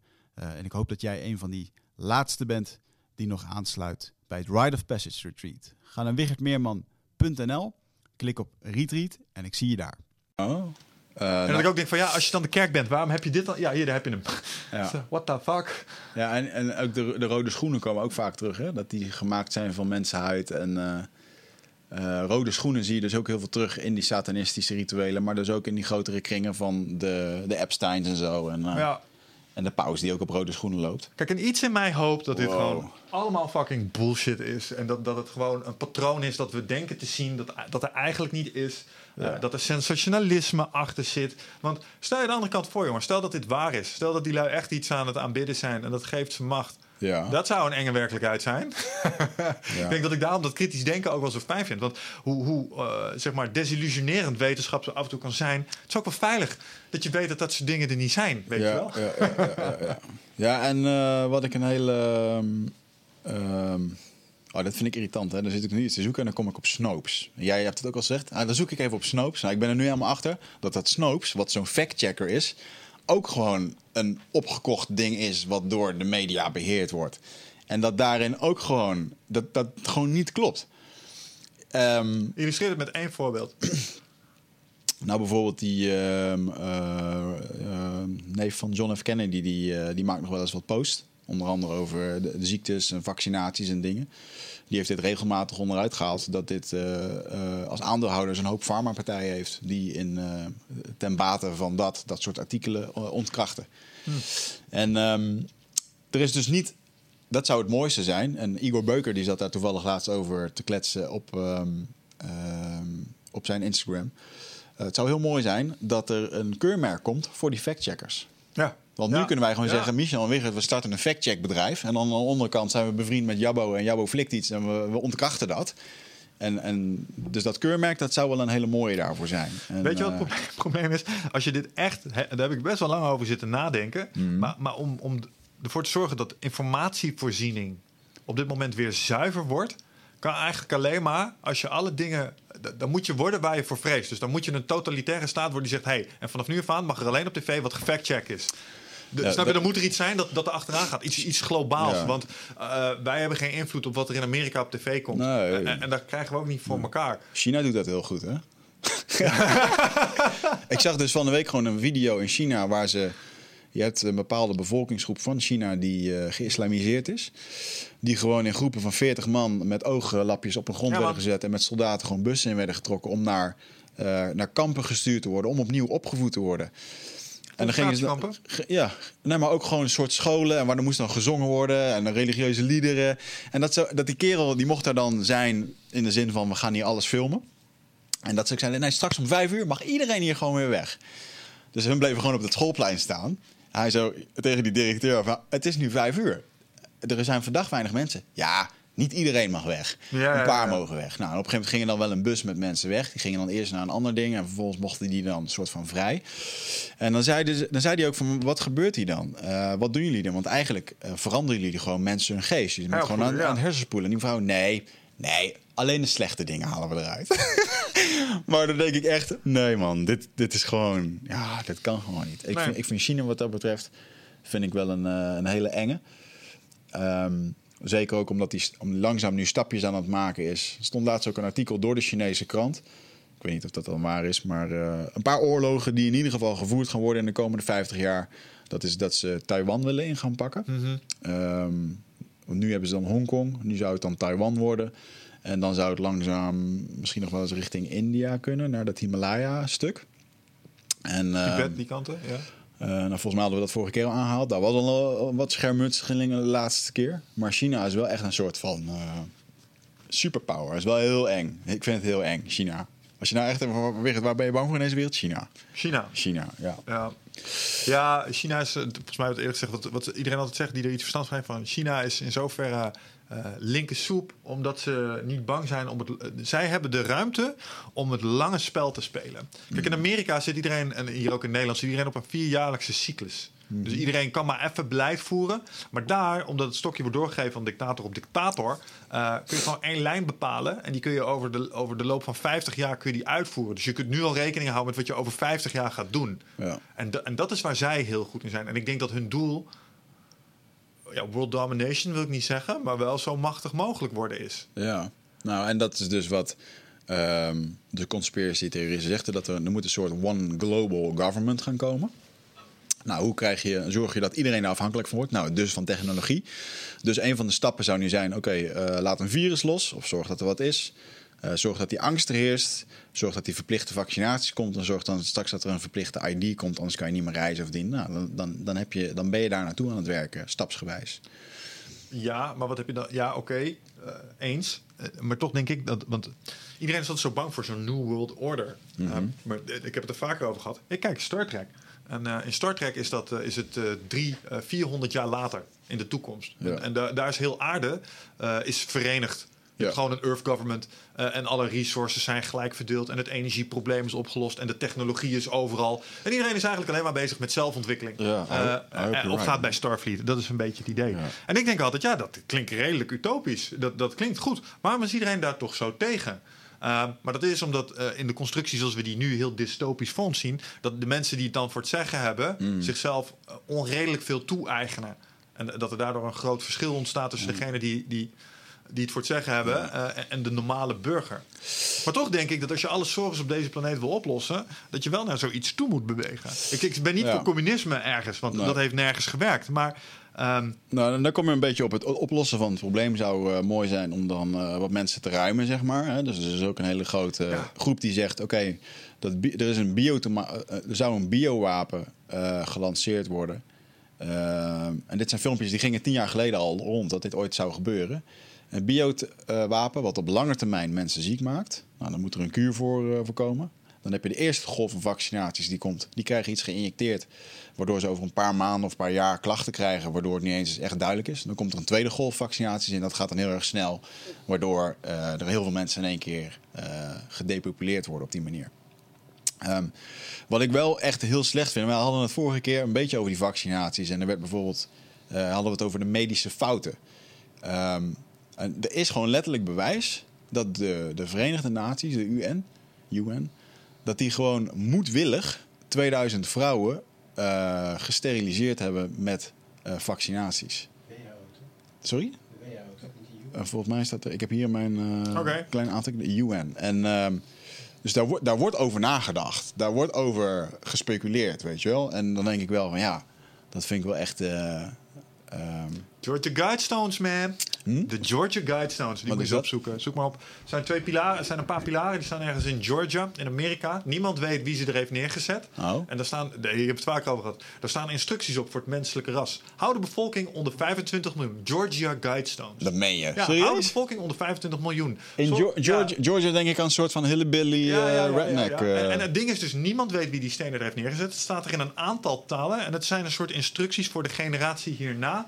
Dus hou de bevolking onder 25 miljoen. Eh, Wow. zorg, ervoor, ja, zorg ervoor dat je in harmonie met de natuur leeft. Eh, er, waren een paar, er waren een paar regels die het ze meegeeft. In meerdere talen. Freaky. Ja, 25 miljoen. Eh, het schijnt dat dat ongeveer het maximaal aantal bewoners is... wat we hier op deze planeet zouden kunnen bolwerken. Dat is niet zo heel veel. Nee, maar weet je wat het is? Uh, ik geloof dat ook niet. Want depopulatie, wa- waarom zou je dat doen? Waarom zou je willen depopuleren? Uh, als zijn de uh, NWO, zeg maar, of uh, New World Order. Je wil een, een, een wereldbevolking waar je wat mee kan. Je wil arbeidskracht. En als je dan zo'n satanistische organisatie wil, wil je waarschijnlijk ook andere, andere beschavingen in de ruimte veroveren. Nou, weet ik veel. dat- dat Daar kan. heb je mensen voor nodig. Ja, dat klopt. Maar als we nu naar richting de AI-kant gaan, waar heel veel dingen straks Ja. overbodig worden. Oh, vijf, 500 miljoen, sorry. Maar dan, dan is er op een gegeven moment een ehm, in perpetual balance with nature. Ja. Maar ehm, guide reproduction wisely improving fitness and diversity. Staan hier de, de instructies van de Georgia Guidestand? Want dat was echt common sense wat hier staat hoor. Het is best wel mooi. Ergens, als je overnieuw zou kunnen beginnen en je zou deze constructie hebben, dan denk je ja, oké.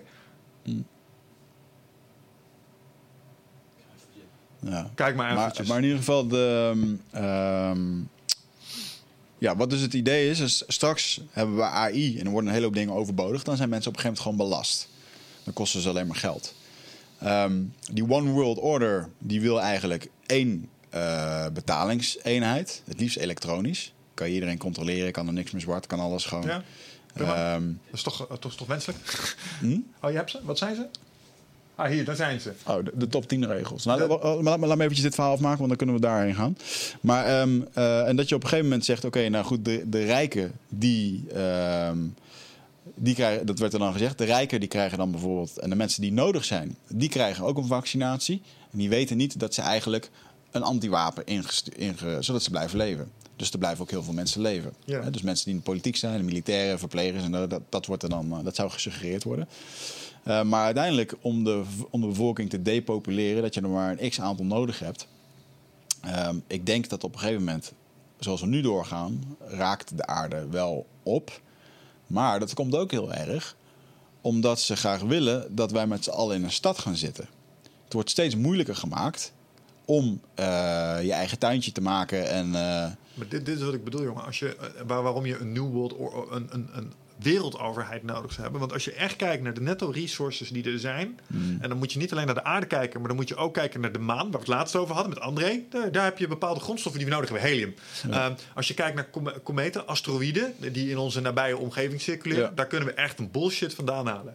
Uh, elk probleem wat wij hebben als gevolg van overpopulatie mm. is in principe een engineering problem. Ja. Dit voorbeeld heb ik ook vaak aangehad. Kijk, er was een meneer die heeft, de hele, die heeft echt de helft van de wereld gered omdat hij bepaalde crosskruisingen met granen heeft gemaakt, waardoor ze plots konden groeien in moeilijke gebieden. Ja. De, als we die techno als we nou eens even afspreken, ja, maar je mag geen uh, modified foods in moeder natuur gooien, want dan gaat het stuk. Hey, als wij nou eens een graan ontwikkelden dat in de Sahara zou groeien, ja. kunnen we.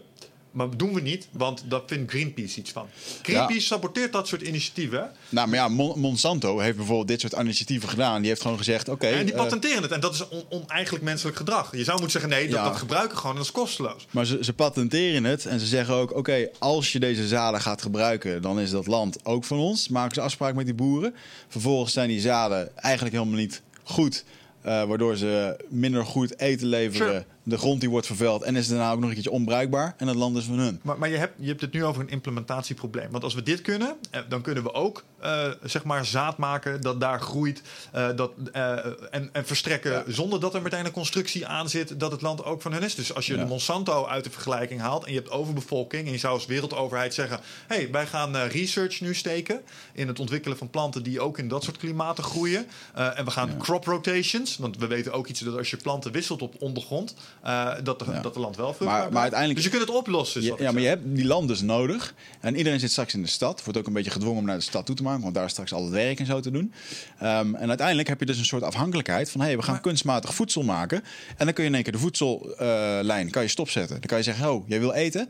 Maar dan kunnen we het je niet leveren. Dan moet je wel dit en dit en dat doen. Nee, kijk, als je distributie op orde zou hebben en je zou slim regelen, ook hier in Nederland, moet je kijken hoeveel ruimte er nog is in deze wereld. Je bent in Amerika geweest, toch? Nou, dat wil ik ook zeggen. Ik bedoel, ehm, als jij in China in de natuur wat heel veel wat als onbewoonbaar wordt geacht. Nee, iedereen wordt naar de stad toe gedreven. Maar er is zo ontzettend veel plek nog op de wereld. Ja.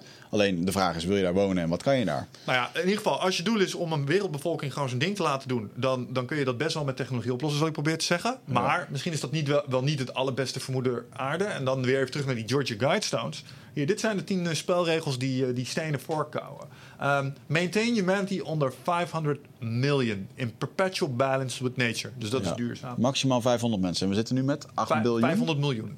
Hoeveel? Dus dan, moeten er, dan moeten er 7,5 biljoen moeten er weg. Fuck. Dat is een bol. Dat is wel Ehm, nou, guide reproduction wisely. Improving fitness and diversity. Geen inteelt, jongens. Dus eh, niet met z'n allen uit één dorp. Unite humanity with a living new language. We hebben toen geprobeerd hè, met, eh, in, taal. Europa. Hoe heet dat ook alweer? Hadden, probeerden we een nieuwe taal naast het Engels. Echt? Ja, ah, ik ben de naam even kwijt. Wat interessant. Ehm, Het was een Europese taal. Ehm, rule passion, faith, tradition and all things with tempered reason. Cool. Protect people and nations with their fair laws and just courts. Okay. Let all nations rule internally, resolving external disputes in a world court. Avoid petty laws and useless officials. Geen bureaucratie dus. Balance personal rights with social duties. Ja, dus iedereen moet bijdragen aan het grote geheel. Ja. Prize truth, beauty, love, seeking harmony with the infinite. Mooi. Cool. Mooi. Be not a cancer on the earth. Leave room for nature. Leave room for nature. Twee keer. Twee keer. Ja. Met andere woorden. eh, ja, ik denk dat als je deze zou volgen, dat je meer richting jouw eh, kant gaat. Dan moet je depopuleren. Dat Ja. kom je niet aan. Ja. Ja, dit is, eh, nou, het is een mooie steen. Ik hoop dat... eh, Ik hoop niet dat dit gebeurt, want dat zou Nee, echt ik betekenen hoop niet dat, dat dit een heleboel zielen, Nee. zeg maar. nee. Nee, ik hoop ook... Ja, goed, nee, dat klopt. Maar het is wel een hele mooie stelregel. Ik denk dat als je overnieuw mag beginnen op een nieuwe planeet, Ja. dan zou dit een, een, fantastische set aan. Ja. Maar goed, ja, het is wel een... ehm, eh, het depopuleren van de bevolking. Ik vind het... eh, wat ik bijvoorbeeld een hele sterke vind... is... ehm, het, eh, ehm, als je de bevolking wil controleren, dan wil je het afhankelijk maken. Nou, dat kan onder andere door technologie. Maar waar ik dus voorheen, waar we hier hele mooie gesprekken over hebben gehad... eh, met verschillende gasten, dat universele inkomen. Daar heb ik dus goed over na zitten denken en wat verschillende variaties daarop gehoord. En dan denk ik, ja, hier vond ik dat eigenlijk heel mooi toen dat werd gezegd. En ik denk ook serieus, voor mij en voor jou is dat heel mooi. Want wij regelen onze shit wel. Komt er wat extra binnen, mooi, kunnen we leuke dingen mee gaan doen. We kunnen onszelf gaan vermenigvuldigen. Maar als jij niet met geld om kan gaan, wat 90% van de bevolking niet kan doen, dan word je dus eigenlijk afhankelijk gemaakt van een loon eh, wat minimaal is. Oftewel, je wordt gecontroleerd. hey, oh, je gaat niet meer verdienen of je kan niet sparen of wat dan ook. En dan denk ik, ja, zo'n universeel inkomen is misschien wel een hele mooie oplossing om alles weg te nemen wat er nu beschikbaar is. Iemand die 1000 euro te geven en het hem daar volledig mee te laten uitzoeken. Maar als je ze niet leert omgaan met geld, dan, ehm, dan gaat dat een probleem vormen. Dat zou over. Nou, niet alleen. eh, Nou, dat omgaan met geld gaan mensen uiteindelijk wel leren. Er zullen altijd idioten zijn die het niet kunnen. Maar als je dit over ge- generaties heen doet. Kijk, als je dit in één generatie doet. en ze geven ons dat UBI. en we zien ineens. ja. en als je nu doet wat we zeggen. krijg je geen UBI. Maar dan ga ik het toch weer zelf regelen. Want, want je bent dat nog gewend te doen. Ja, ja. Maar, maar als Leaatje dit gewend is. en, en haar kind straks. zeg maar. Die, die zijn niet anders gewend als die UBI. en, en, diens, en, Lea's groot. eh, zijn Ja. kleinkinderen straks. En, en die. Die hebben het probleem. Want, want die weten niet beter. En Ja. die zijn dat stukje eh, weerbaarheid en autonomie zijn ze kwijt. Want ja, die kregen alles vanuit de overheid. Ja. Ik, ik kan me voorstellen dat het echt een heel sterk controlemechanisme is. Absoluut. Aan de andere kant, het is wel een soort utopie waar we met z'n allen altijd over gedroomd hebben. Snap je, als ik het heb over dat Star Trek-universum, dan is het energieprobleem en het schaarste probleem is opgelost. Want dan- dan alleen kan dit. Hè? Dus er is genoeg voor iedereen en we kunnen het verdelen, zodat de welvaart over de hele wereld. Dus als we hier 2000 euro per maand krijgen, dan, dan krijgt iemand anders ergens anders op de wereld dat ook. En die kan ineens ook boodschappen doen. Dat, Ja. dat is toch een geweldig streven Ik, ik vraag me eventjes af of dat het eh, schaarste probleem daarmee op wordt gelost. Want bijvoorbeeld in Spanje willen ze dit nu gaan versnellen. Ehm, en volgens veel van die conspiratietheorieën is dit dus ook volgens de planning. Oké, er komt straks een soort universeel inkomen waarbij de regering zegt... we geven jullie gratis geld en dat doen we voor jullie. Nou, hier hebben wij het eerder over gehad. Ik ben van mening, dat, doen ze niet, dat doet men niet voor niets. Eh, want men zal er altijd beter van worden. En ehm, ik, ik hoop dat inderdaad een hele hoop mensen... Tuurlijk, als ik 1000 euro extra nu per maand krijg, ga je fucking relaxed. Maar ik ga er niet minder om werken, weet je wel? Ja, maar En- cijfer ook niet het leed weg wat je ermee zou oplossen nu, hè? Ik bedoel, er zijn een heleboel mensen voor wie 2000 euro in de maand standaard vanuit de UBI een dermate verhoging van hun levensstandaard Zeker. zal, zal realiseren dat je die, die halen schat bij hebben. Ja, oké, Ja. dan maar iets meer controle aan. Ik give a shit, ik kan die boodschappen doen. Zeker, zeker. Maar wereldwijd gezien... ehm, kijk, er zijn ook heel veel landen... Wij praten hier over 2000 euro. En ehm, ik bedoel, de gemiddelde ZZP'er verdient 20.000 euro in Nederland. Dat is het gemiddelde salaris van een ZZP'er. Wat hij zichzelf uitbetaalt. Hmm. EKE, is dat heel erg verantwoordelijk voor jezelf? Hmm, kan je wat van vinden. Ehm, en voor een hele hoop mensen die, die niet boven die grens uitkomen... die altijd maar lopen te tobben om geld... EKE eigenlijk een, een geldprobleem hebben. Either way, of je hebt te weinig of je kan er niet mee omgaan... of je hebt gewoon een probleem door schulden of pech... eh, wordt daarmee niet opgelost. En ehm, eh, kom je toch een beetje op dat eh, stukje van... geef hem een vis om te eten en hij kan voor een dag eten. Of leren hem om te vissen en hij kan zijn ding gaan doen. Ja. En eh, ja, ik, ehm, nou, ik vind het een... ehm, UBI onder voorwaarden dan in dat geval. Want eh, ik denk dat. Ik worstel de laatste tijd vaak met het probleem. Hoe zou je dit, eh, dit hele bootje goed kunnen sturen als je kijkt waar je met z'n allen in zit? Ik bedoel, als COVID iets heeft laten zien, is dat je gewoon. vers- je bent eh, verstrengeld met elkaar, vervlochten. Met alle economieën. Daar, daar doe je niks aan. Dus als je hier in Nederland een paar dingetjes gaat doen. Helpt geen kloot. Want Nee. Frankrijk, Duitsland, Italië, die doen gewoon hun eigen ding. En, en, en dan wil je zoveel mogelijk uitlijnen met elkaar. Ja, en daarom lenen we een 190 miljard aan eh, Italië uit en zo. Waar een van de plannen voor wordt gemaakt. Waarvan we nu zeggen van ja, dat, dat gaan we terugkrijgen. Dude, we're never gonna see it back. En we weten het. Nee, maar eh, om dit, om dit te besturen op een juiste manier is fucking lastig. En ik heb ook wel zitten denken van ja, misschien... Want als je inderdaad mensen alleen maar geld geeft, wat dragen ze dan op een gegeven moment nog bij? Dus misschien moet je mensen verplichten om iets bij te dragen aan het grote geheel. Alleen maar zitten parasiteren, Ja. dat is ook geen recept voor succes, denk ik. En dit vind ik ook een hele gevaarlijke. Ehm, dat je dus straks... eh, eh, Microsoft heeft hier een heel mooi patent op aangevraagd. Toevalligerwijs in eh, maart. Ik vind hier verder niks van. Maar een patent waarbij je een, elektronische, dus een ele- elektronische munteenheid... eh, in je lichaam krijgt. En waarbij je beloond wordt op het moment als je gaat sporten. Dan krijg je er geld bij. Nou, dat is een beetje met Black Mirror heeft hier een hele mooie aflevering van. Eh, dat je dus op een loopband staat en dat je dan punten krijgt. Net als in zo'n Nintendo-spelletje. En dan als je genoeg punten hebt, dan kom je in aanmerking om bepaalde dingen te doen. En nu kom je dus een, vind ik, in een heel gevaarlijk spectrum. Van ja, oké, dus nu moeten mensen dingen gaan doen om in aanmerking te komen voor. En enerzijds vind ik dat goed. Ehm, ik vind dat we in Nederland te makkelijk zijn met subsidies. Ik denk dat, ehm, eh, als ik, lees graag de columns van Annemarie van Gaal. eh, die, eh, die investeerder, eh, Dragon's Den mevrouw.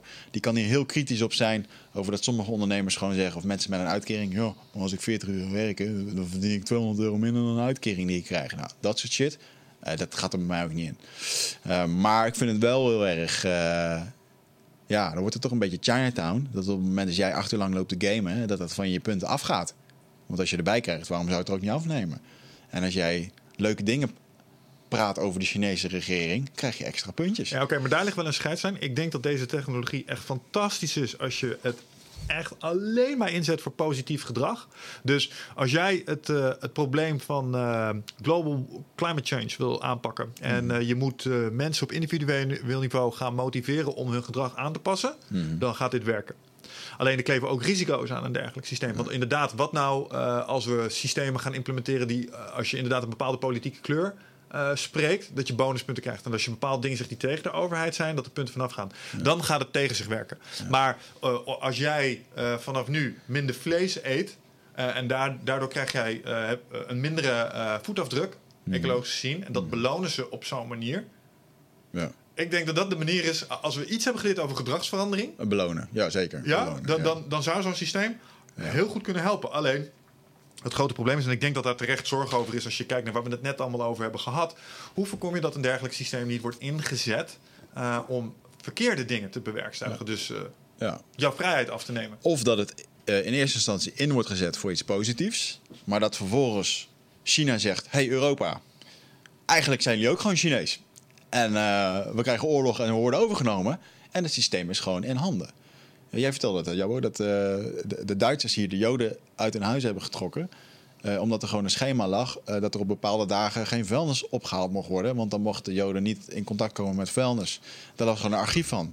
Dus meneer met SS-pet die is naar binnen gegaan, heeft dat lijstje gepakt. Die zijn ze gewoon één voor één eruit gaan halen. Ja. Goed systeem, maar als het in de verkeerde handen Ja, valt... Dat, dat, dat, dat ontkom, daar ontkom je niet aan. Want er zijn nu ook allerlei systemen waarmee dat nu al kan. En dat is ook iets wat we hier al eerder hebben besproken. Als hier de sharia zou worden ingevoerd en we willen homoseksualiteit uitroeien. eh, en ik zou het voor het zeggen hebben, dan liet ik een extract maken bij alle huisartsinformatiesystemen van mannen in een bepaalde leeftijdsgroep die bovengemiddeld vaak eh, seksuele gezondheidsonderzoeken hebben gedaan. Snap je? Sorry, dat moet je nog een keer herhalen. Nou, Wat als, ik, als, als ik zeg maar mensen met een bepaald gedrag wil pakken, Ja. immoreel gedrag volgens mijn wet, Oh, dan zou ik nu uit alle huisartsinformatiesystemen, Ja. dus dan zou ik zoeken, hé, hey, Ja. Meerman, je bent wel vaak bij de GGD geweest voor een chlamydia-testje, hè? Misschien doe jij dingen die in een bepaald spectrum vallen. Dus jij staat nu op een speciaal lijstje. Ja. Kun je direct doen. Achter mijn profiel staat dan een lul. Zo'n teken. ja, ja, ja. Icoontje. maar, maar het punt is, dat bestaat al. Ja. Dus dat kun je altijd op die manier inzetten. Ja. Ja. Ehm, alleen, eh, het is eh, aan ons als burger. En eh, ik denk dat we nog steeds in ons handjes mogen knijpen met het, het soort overheid wat we hebben. Voor als je het afzet tegen een China bijvoorbeeld. Ehm, de- die, die daar wel consciëntieus mee proberen om te gaan. Soms daar fouten in maken, 100%. China bedoel je? Nee, in Nederland. Oh, oké. Nee, bijvoorbeeld die corona-app. Ja. Hè, dat, is, dat is iets soortgelijks. Eh, de, de intentie erachter is denk ik wel oké. Ik bedoel, het kan veel erger als het gaat om overheden. Eh, Gaat, gaat het nog gebeuren, die app, of niet? Of is niet, eh, ja, in dit, eind dit jaar willen ze hem uitbrengen, geloof ik. eh, gaat iemand hem downloaden ook? Ik weet het niet. Of, ja, het, het is natuurlijk gewoon wel zo dat bedrijven al heel snel zullen zeggen... je moet bij ons met die app. En dan heb je al snel een algemeen geaccepteerd gevoel van Ja. die app. Ja, ik vind, het een, ik vind het een naar idee, maar ehm, ja. Ja, en als je echt helemaal de conspiracy mindset pakt, dan is zoiets als zo'n virus pas daar ook hartstikke mooi in natuurlijk. Om, om ehm, eh, zeg maar de controleopties die je hebt weer een graadje op te schuiven. ja. Snap je, die, die nieuwe noodwet die ze willen aannemen met die anderhalve meter, staan ook allerlei dingen in over samenkomsten en zo. En als jij wettelijk samenkomsten wil ver- ver- verbieden, om wat voor reden dan ook, nou, dan heb jij daar een stukje wetgeving liggen. Eh, en je belooft wel plechtig dat je hem niet zult eh, laten, langer voort zult laten bestaan als nodig. Maar dat is niet 100% gezegd natuurlijk. Er stond ook in wel eerste wet stond er een, eh, dat de deur ingetrapt mocht worden. Dat je, dat- en dan denk ik, oké, welke Pino heeft er op maandagochtend in die Tweede Kamer vergaderd met z'n allen en heeft dit idee ingebracht en dat iedereen zei, Jabbo, dat is een goed idee. Dat moeten we gaan we doen. doen, Dat ja. moet erin. En dan denk ik, wow. Ja, en dat, en dat vind ik dan weer creepy. Want, want je ziet wel vaker dat dat soort besluitvorming... Ik kan me even niet meer het... eh, ja, volgens mij was het referendum voor de EU-grondwet destijds. Hmm. Dat werd dan even aan het, op een vrijdagmiddag om twee uur... als er bijna niemand in de Kamer zat... worden dat soort voorstellen ingediend... zodat ze lekker makkelijk er doorheen passeren. Dit er ook voor de vakantie nu nog even. Weet ik niet? Die, die noodwet. Oh, die ja, komt, de Kamer op de vakantie. Ik zou nu echt zeggen, als regering zijnde... Fuck man, we hebben gewoon een van de grootste crisissen ooit in onze generatie. En jullie gaan nu even vakantie nemen. Ga lekker in september op vakantie. Regel je shit nu. Ik bedoel, ja... Eh, ja, ja, eens. Ik vind sowieso iets van op vakantie gaan in zo'n periode... waarbij er nog iets onbekends rondwaart. Ja, eh, hierbij heb ik dan echt, ja jongens, jullie krijgen gewoon aan het einde van een maandje salaris. Hierbij zou ik echt op, op een soort van een e-mail willen sturen naar alle Nederlanders. Jongens, vanaf nu betalen we geen belasting totdat dit geregeld is. En dan kijken hoe snel dat het lukt, weet je wel.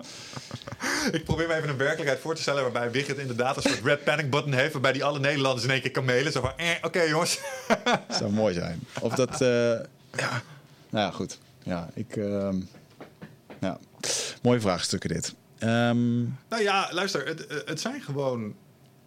ehm, het zijn gewoon feiten. Eh, Of feiten, het, het, het bestaat. Er, er gebeuren dingen waar we het net over hadden. In China, dat is waar, dat gebeurt. Er worden gewoon dit soort dingen geïmplementeerd. In Amerika zijn legio voorbeelden. Heb je het net nog over gehad van allerlei oneigenlijke politiek die wordt bedreven. Het enige wat we niet mogen vergeten is dat dit zo oud is als de mens. En ik denk dat zolang we eh, geen AI hebben die ons allemaal heeft vervangt met robots, dat dit gezeik gewoon blijft bestaan. Want, Ja. want je, hebt, je hebt het over mensen. Die, die AI, dat vond ik ook een, dat vond ik een hele interessante. Die wil ik wel eens tegen je aanhouden. Eh, ook een theorie. Uiteindelijk wil men ons aan de AI ha- hangen. Laten we zeggen dat eh, onze gedachten, onze brein, alles, eh, onze geest, over een paar jaar, 20, 10 jaar, moet dat eraan hangen. Nou, een van de manieren om dat te doen is, dan moet je dus wel bij ons in kunnen tappen. Dat doe je door middel van een vaccinatie bij ons injecteren, waar die chip in zit, waarmee je dan dat contact kan maken. Veel te complex. Ja, maar ik leg even deze theorie uit. Ik vond hem heel interessant. Eh, Niet zozeer dat dit... eh, ik, ik, ik geloof hier zelf niet echt in eigenlijk. Ehm, ik sluit het ook niet helemaal 100% uit. Maar laat ik zo zeggen, 90% bij mij zegt nee, het 10%. Nou oké, het zou kunnen met alles wat je nu ziet. Uh, maar dit ging eigenlijk meer over dat op een gegeven moment... dan als je dus die chip in je hebt... en ze kunnen in je brein kijken... dat we op een gegeven moment aan dat netwerk gehangen worden. Oftewel, ze zijn een computer aan het bouwen... en ieder persoon is daar één celletje die eraan komt. Op een gegeven moment zijn er zoveel mensen aangehangen die dus in contact staan daarmee, dat je ze dus ook kan beïnvloeden. Want waar je informatie uit kan halen, zou je er ook in kunnen stoppen. En dan in één keer, dan gaat er op een kantoor ergens in, eh, weet ik veel waar, in China, gaat er een switch om. En dan gaan we dus een soort reset doen, want dan zijn we eigenlijk een AI-computer. En dan komt er dus een globale reset. En dat betekent dat in één keer dat ik hier zit en dat, dat ik ergens aan zit of wat dan Rebooting. En dat was dus de theorie van iemand die zei dat. Van ja, zorg dus dat je niet die vaccinaties neemt, want dan kan je niet mee met die reset. Ja, en ehm, kunnen wij als mensen ooit worden aangesloten op een dergelijk globaal netwerk? Ik denk van wel. Denk het ook wel, De- ja. Denk je dat de, de, de route om dat het snelst te doen is met een nepvirus en dan een vaccinatie? Nee, hier moet je het. ehm, er zijn twee auteurs die hebben geschreven over dys- dystopieën. De een was Orwell en de ander was Huxley. Ja. En Orwell die schetste een, een, een, eh, een, een staat zoals China. 1984 heet Ja, dat boek. eh, waarbij eh, camera's, controle, zeg maar een, een oppressive government, dictatoriaal. Huxley daarentegen omschreef Amerika. ja. Namelijk zoveel welvaart, luxe en genot. Zoveel informatie en ruis. Hmm. Dat mensen zich niet meer druk willen maken om de grote thema's. Omdat de afleiding er zoveel is. Ja. En ik denk dat als je echt eh, deze wereld op die manier eh, wil manipuleren. Dat je de Huxley-methode moet kiezen. Dus waarom oppressively een vaccin afdwingen. Als je het ze ook kunt komen laten halen. Dus als, eh, laten we even verder denken over dat netwerk erop aansluiten. Hoe zouden we dat doen? Kun je even googlen op Elon Musk presentatie van de ehm, Neuralink. Want onze grote vriend Elon Musk, die inmiddels best wel dingen voor elkaar heeft gekregen in deze wereld. ehm, die heeft recentelijk een productpresentatie gedaan over de Neuralink. Nou, eh, even, waarom zou zo'n chip in een vaccin niet werken? Weet je hoe groot zo'n chip, zo'n chip zou moeten zijn in zo'n vaccin? Microscopisch, ja? ja. Maar er zijn nu al chips Nee, hè, nee, die... nee, eh, het is technologisch niet mogelijk om met zo'n klein ding te doen wat jij suggereert. Dat kan niet. Want als je kijkt naar wat Elon Musk ervoor moet doen, die is zoiets aan het maken. Ja. Die is letterlijk iets aan het maken waarmee mensen kunnen interfacen met een computer. Dat heet de Neuralink. Ja? En wat dat is, is een set aan injecties gedaan door een chirurgische robot die die speciaal daarvoor heeft gemaakt. Mhm. En dan injecteren ze ongeveer duizend elektroden achter je oor. Mhm. Steken ze zo in je hersenen. En dan kunnen ze het niveau van hersenen uitlezen bereiken waar jij het over hebt. Heel, maar nog niet zo uitgebreid als je zou willen om al die dingen te kunnen doen die jij het hebt. En in Elon Musk maakt op een gegeven moment zelfs in die persconferentie... maakt hij een grapje zoals jij van... ja, dan moeten we niet tijdens de update vastlopen, hè? Weet je wel, ah, super ongemakkelijk. Iedereen echt zo, dude, wat zeg je hier? Ja, ja, ja. Maar goed, dat is, dat is eigenlijk ook nog een pionier. Hè? Moet je je voorstellen dat dit over 100 jaar verder is. Dan ben ik maar- ervan overtuigd dat er een chipje komt wat... eh, En, en dan nu weer terug naar het satanistische. Ehm, stel, je, je kijkt naar de wereld hè, en je kijkt naar AI. Wat, wat is, want, AI is voor een heleboel mensen, ook voor Elon, eh, de grote demon. Want waarom wil hij graag die Neuralink hebben? Omdat hij niet de competitie van de AI wil verliezen straks. Hij zegt, als wij los van dat ding door evalueren, blijven we achter en zijn we outdated straks. ja, dat zijn we ik- niet meer nodig. Dat snap ik. Ja. Eh, en wat je ook wel eens, eh, je hebt Joe Rogan ook wel eens geluisterd. En als die zijn eh, stoner podcast heeft, dan zeg je wel eens, ja, het lijkt wel alsof technologie wordt geboren door mensen heen. Hè, dat wij, eh, wij zijn de kokon. eh, en daar technologie komt door ons heen. En straks heeft het ons niet meer nodig. Dan barst het uit zijn cocoon en dan is het een vlinder. Oké. En, en toen dacht ik, oké, en waarom zijn al die, die, die mensen van power toch zo die kant op aan het bewegen? En, en lijken ze allemaal iets met, met satanisme te hebben? En, en dan kom je op Tesla. Tesla is een, een, een wetenschapper die heeft heel veel eh, prachtige dingen gedaan op het gebied van elektriciteit en zo. Ehm heeft een aantal hele. Ja, die zitten ook in de fringe sfeer theorieën over hoe je gratis, gratis energie, nulpunts energie zou kunnen genereren. Allemaal heel erg technolo- technology oriented. Ja. En, en die zei eh, dat hij in contact stond met andere entiteiten. Hij channelde die dingen. Snap je? En er zijn meer wetenschappers die hun inzichten hebben gekregen ehm, in alternate states. Oh ja. En ik had het er straks over eh, ancient astronauts. Maar wat nou als ehm, het niet zozeer astronauts zijn, maar dat het psychonauts waren? Dus dat, dat, dat mensen in tijden in onze geschiedenis in contact hebben gestaan met entiteiten op andere bestaansvlakken. Dus jij als eh psychonaut kan beamen dat het zo af en toe voelt alsof je praat met iets. En dat iets je dingen aan het stellen is. Ik heb zelf soortgelijke ervaringen gehad. Ehm, en, en als je kijkt naar de geschiedenis, ehm, Maya's, Azteken, eh, Olmecs, Egypte, eh, het oude Sumerië, de Vikingen. Ehm, allemaal mensen die ook entheogenics namen. Maar ook allemaal mensen die diezelfde soorten technologie inzetten. Bijvoorbeeld piramides. Er wordt wel eens, hè, als je dan naar de Ancient Astronauts kijkt... waarom kan, is het dat tegelijkertijd in China en in Egypte en in Zuid-Amerika piramides werden opgesteld? Misschien- Misschien hè, is een soort technologie. Die leek overal zo'n beetje tegelijk ontstaan. Ja. We hebben het ook wel eens gehad over van die eh, fenomenen... dat bijvoorbeeld als ergens een groep apen iets leert... dat een eiland verder, waar geen mogelijk contact is tussen die apen... plots iets Ja. die dat ook weten. Over wat voor netwerk gaat dat? En ik heb altijd gedacht, hé, dat ayahuasca, hè, dat DMT, dat kon nog wel eens toegang geven tot dat specifieke netwerk. Ja. En nou zijn er dus conspiracy theories die zeggen, ja, en dat is dus het ding. Er zijn mensen die die realm ingegaan, zijn aangeraakt door bepaalde entiteiten, dingen ingefluisterd. En die zorgen er nu gezamenlijk dat er door de mensheid heen, zeg maar, die AI heen geboren wordt. Ja. Dus, dus, en, en dat is eigenlijk wat, wat de duivel is. In dit geval, dus dat is die force of evil, die mensheid niet meer nodig heeft, maar alleen maar gebruikt om zijn eigen ding te krijgen. Ja. Maar dat komt dan via de DMT realm slash sfeer. Alex Jones die heeft een hele infamous rant bij Joe Rogan waarbij hij Ja. het zijn psychonetic demons die onze kinderen nodig hebben om zichzelf hier door de AI heen te manifesteren. Dat. Maar ik denk dat ehm, eh, technologie is natuurlijk ook maar een ding. Kijk, vroeger had je een. Als je een. Eh, je, was een je was een leider, een stamhoofd ergens. En je wilde ergens iets kwaad doen. Dan trok je ten strijde, ten voet. Of je liet een eh shamaan die eh, aan de donkere zijde zat een spreuk over ze. Hè? Dat Isha hier zei er ook, ja, we hebben ook liederen waarmee je iemand zijn ziel kan wegnemen. Ja, ja, ja. Weet je? Heksen. Ja. En ehm, ehm, de Honey Queen, waar ik dan ben geweest, die hebben zelf ook hun ehm, eh, bevestiging. Dat noemen ze de Mukashera's. Dat waren de, de shamanen die met de Muka-plant werkten, maar zodanig verbonden waren dat echt tovenaars waren. En dat, dat, die zijn eigenlijk uitgestorven, ook door rubberinvasies en Spanjaarden en dat soort dingen. Omdat het niet meer mocht. Eh, dus eigenlijk de shamanen van nu, waar wij eh, van denken: wow, jij, jij kan spooky shit. eh, dat zijn voor hun, ja, dat is niet meer zoals het vroeger was, zeg maar.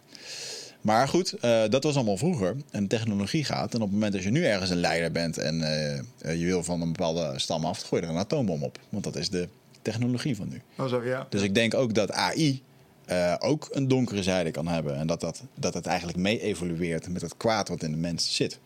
Zo. Want we kijken gewoon naar manieren hoe dat we dat kunnen doen. Hè? Maar vroeger werd er bijvoorbeeld met pamfletten gegooid om angst in te boezemen. En nu heb je de media of internet of, of een virus, een nepvirus als dat zo is. Ja, ja, I get it. Nou ja, goed, we, we zaten een beetje in die, in die mystische conspiracy hoek te denken. En er is dus een, een lichting mensen die denkt dat mede door wat we in die ayahuasca realm zeg maar tegenkomen. Mhm. Dat kan van goede invloed zijn, maar daar kunnen ook demonische entiteiten huizen. Zeker. En, een- en een aantal daarvan, kijk, ehm, ik zei er straks al, ehm, een van de plekken die ik leuk vind om, om zo af en toe nog eens te lezen als ik in zo'n bui ben, is de, is de Hyperspace Lexicon. En dat is een project wat eigenlijk alle concepten, constructen en entiteiten die in eh, de DMT-realm worden ervaren, dus of in ayahuasca-ceremonies of gewoon rechtstreeks via DMT roken, eh, worden gewoon middels interviews worden opgehaald. Ik bedoel, wij hebben een aantal podcasts ingesproken over ayahuasca. Eh, ik heb veel feedback gehad op het feit dat die, die octo-dingen waar ik het over had, die in je liepen, zeg maar, hebben meer mensen gezien. ja. Eh, er zitten een soort patronen in die ayahuasca-ervaringen. en mensen zijn dat in kaart gaan brengen. Ja. En iets wat heel beduidend een realm is de technology realm. Daar had zelfs Michael Pollan het met ons nog over. Mhm. Een soort, soort eh, realm die is niet helemaal organisch, die is technologisch van aard of zo. Eh, en, en ik heb wel eens in mijn meest stonende momenten gedacht van... Ja, misschien is dat wel wat er dan doorlekt. En uitzicht dat via die wetenschappers... en probeert dat via de mensheid hier zijn plek te krijgen. Want je kan niet van ster A naar ster B reizen. Nee, nee, dat, dat doe je via de psycho realm. Zeg maar. En daar kun je komen door bepaalde middelen te nemen. Hè, want wat hadden bijvoorbeeld de Tolteken, eh, de Egyptenaren... eh, en de Vikingen overeenkomstig? Ze Ja. namen allemaal psychedelische middelen. Ja. En daarmee kwamen ze op gebieden waar je normaal gesproken niet komt. Nou, Ja. kun je dit aan alle kanten lek prikken? Eh, met logica? Zeker wel. Maar als je het nou hebt over... eh, als ik dan jou hoor praten over die ho- hogere mensen... die allemaal worden beschuldigd van satanistische rituelen. Kijk waar we naartoe gaan met mensen. Het is allemaal technocratisch, allemaal meer technologie. Consumeren, consumeren. En ik lees dat en denk... Dat is grappig. Dat is een interessant idee. Ik denk niet dat het echt zo is. Ik hoop dat het niet zo is. Maar, snap je? Maar jij, wat hoop je dat niet zo is? Nou, dat, dat, dat er een. ehm, dat we worden beïnvloed door zeg maar eh, entiteiten die worden aangeraakt in die, in die psychonautenrealm. En dat die, dat die op die manier naar buiten komen. Want voordat we de podcast starten, vertelde ik je over een ander interessant fenomeen, namelijk Broca's basilisk. Broca's basilisk is, dat, eh, dat was dat, is een verboden onderwerp in AI-land. We het hier vaker over, één keer eerder over gehad in de podcast. Ehm, dan moet ik even nadenken hoe die website ook alweer heet. Maar Something Smart volgens mij heeft, heeft een aantal fora. En daar wordt veel gesproken over artificial intelligence. En daar was één onderwerp met name. Daar mocht je niet meer over posten, omdat al die slimme gastjes die daar... eh, AI is moeilijk, hè? Ook eh, het programmeren van AI is niet makkelijk. Lex Nee. Friedman, zo'n gast, komt ook bij Joe Rogan. Eh, die praat over AI, die interviewt mensen daarover. Ik luister eens naar die podcast. Dat zijn echt hele slimme mensen. Die hebben het over Ja, dingen die ik niet begrijp. Weet je wel, zijn gewoon echt fucking smart. en, en, en die lui hebben dus onderwerpen waar je in die scene eigenlijk niet over mag praten. Want omdat ze, daar, omdat ze dan panische eh angststoornissen ontwikkelen. En dat is Roko's basilisk. En Roko's basilisk zegt eigenlijk... er komt op een gegeven moment een AI. En die AI zal zo krachtig en zo slim zijn... dat hij kan uitredeneren terug op basis van de informatie... wie wel en niet hebben bijgedragen aan hem tot stand brengen. Eh, en als jij tot die groep mensen worden... die niet alles op alles heeft gezet om hem tot stand te brengen... zal die je daarvoor straffen. Ja. En, en eh, toen, dat, toen dat idee zeg maar, werd geventileerd voor de eerste keer op die fora, kregen een aantal van die mensen, die dus fucking slim zijn en dan dat, dat gedachtencirkeltje uitdachten, dachten van ja, holy shit. Oh, die raakten daar oprecht van in paniek. En dan mag je voor jezelf bepalen of dat nou een stel autistische wiskundige is die net wat te slim zijn voor hun eigen goed en daardoor dit soort waanideeën zich inhalen. Maar ik vond het frappant dat dat stukje informatie niet meer mocht worden gedeeld, omdat al die lui die daarmee bezig waren dat echt een eng idee vonden. Ja. En dat vond ik wel een beetje te maken hebben met waar we het net over hadden. Namelijk dat die technologie een of andere satanistische invloed van buitenaf zou kunnen zijn. Ja. Geloof ik dat het waar is? Nee. Vind ik het een fascinerend idee? Ja, best wel. Zo, zo zou, dan, zou er dan toch nog een echte technologische god komen die ons gaat straffen voor onze zonde. En God of onze- duivel? Ja, misschien breng je de duivel wel in het bestaan op zo'n manier. I don't know. Dan zou het wel heel mooi zijn dat die AI dan teruggaat naar die stenen. En dat hij dan denkt, ja, van alle oplossingen die ik nu gewoon gezien heb hier, was dit helemaal niet zo verkeerd. Dus dit gaan we doen. En gaat hij beginnen met depo. En dan, eh, ja. Nou, AI moet je mee oppassen, hè? De, welke instructies je het geeft. Dat is wat het zo eng maakt. Je kent het voorbeeld misschien wel van de paperclip eh, paradox. Het hele ding is, als jij een AI hebt en je zegt tegen die dat is wat ze zo gevaarlijk maakt. Zo van, hey, maak paperclips. En je bent niet specifiek genoeg, dan gaat dat ding paperclips maken. En als het klaar is met het aluminium wat het in zijn fabriek heeft zitten, dan zegt het, oh, maar dit gebouw kan ik ook een paperclip van maken. En Ja, hey, ja. daar loopt Wigert, daar kan ik ook een paperclip van maken. Snap je? Dan maakt het overal paperclips van. En, en uiteindelijk heb je een universum gevuld met paperclips. Ja, ja, ik snap hem. Hmm. Funny. Ja, AI is vind ik wel een ehm, ehm, interessant ding. Ik vind het ook wel. eh, het, is- het lijkt wel moeilijk dat het. het ja, het lijkt gewoon heel erg eh, op de voorgrond te komen in zo'n China waar het wordt ingezet ter controle van. Dus met eh, de AI die, die nu scant als jij je zo meteen door de gang heen loopt, dat die even jouw profieltje scant. En zo. Maar dat zijn algori- slimme algoritmen. Die, en dat noemen ze narrow AI. Dat is AI dat één stukje supergoed kan. Dus gezicht herkennen, Mhm. Ja. dat is dat ding zijn bread and butter. Ja. Maar een probleem oplossen, dat is wat echte AI is. Hè. Waarom ben jij intelligenter als je, als je iPhone? Omdat jouw probleemoplossend vermogen hoort. Je bent niet sneller met rekenen. Mhm. Ja. Sommetjes maken kan dat ding veel sneller. Ja. Maar een lastig probleem oplossen, waarbij je bijvoorbeeld verkeerssituaties moet inschatten en allerlei variabelen en factoren daarmee in acht moet nemen, maar dat heb je een computer nog niet zomaar geleerd. Ja, dat snap ik wel. Mm, ik vind het lastige. Ik heb denk ik nog niet helemaal. Ik heb de- dat wat je nu net vertelt, heb ik nog niet genoeg in mijn hoofd geprent dat dat allemaal kan. Ik geloof dat ik dat ook niet wil, maar. Wat, wat de zorg is met dat AI, is dat het iets is wat. niet- Kijk, alles wat we tegenkomen op deze planeet heeft in principe hetzelfde evolutionaire verleden als, je- als wij. Het, moest, het heeft honger, het is bang voor kou en warmte te veel, eh, het, heeft, het kan dood, eh, al dat soort dingen. En dat, dat bepaalt je gedrag nogal. Zelfs een grizzlybeer. eh, kun je een beetje van voorspellen wat hij gaat doen. Je hebt Ja. een beetje theory of mind van dat ding. Hij heeft dezelfde motivaties als jij. Zo'n AI is puur alien. Mhm. Want het heeft dat niet. Het is compleet anders. Dus je kunt niet voorspellen wat, wat het doet. Ja. Eh, En als het dan ook nog eens een. En dat is de, de heilige graal natuurlijk voor, voor die mensen die ermee bezig zijn. Als het een bewustzijn krijgt. Ja. Dus als het snapt, ik besta. Als het snapt, ik heb een uitknop. En dat vind ik niet zo'n fijn idee. Ja. Eh, en- en wat gaat het dan doen?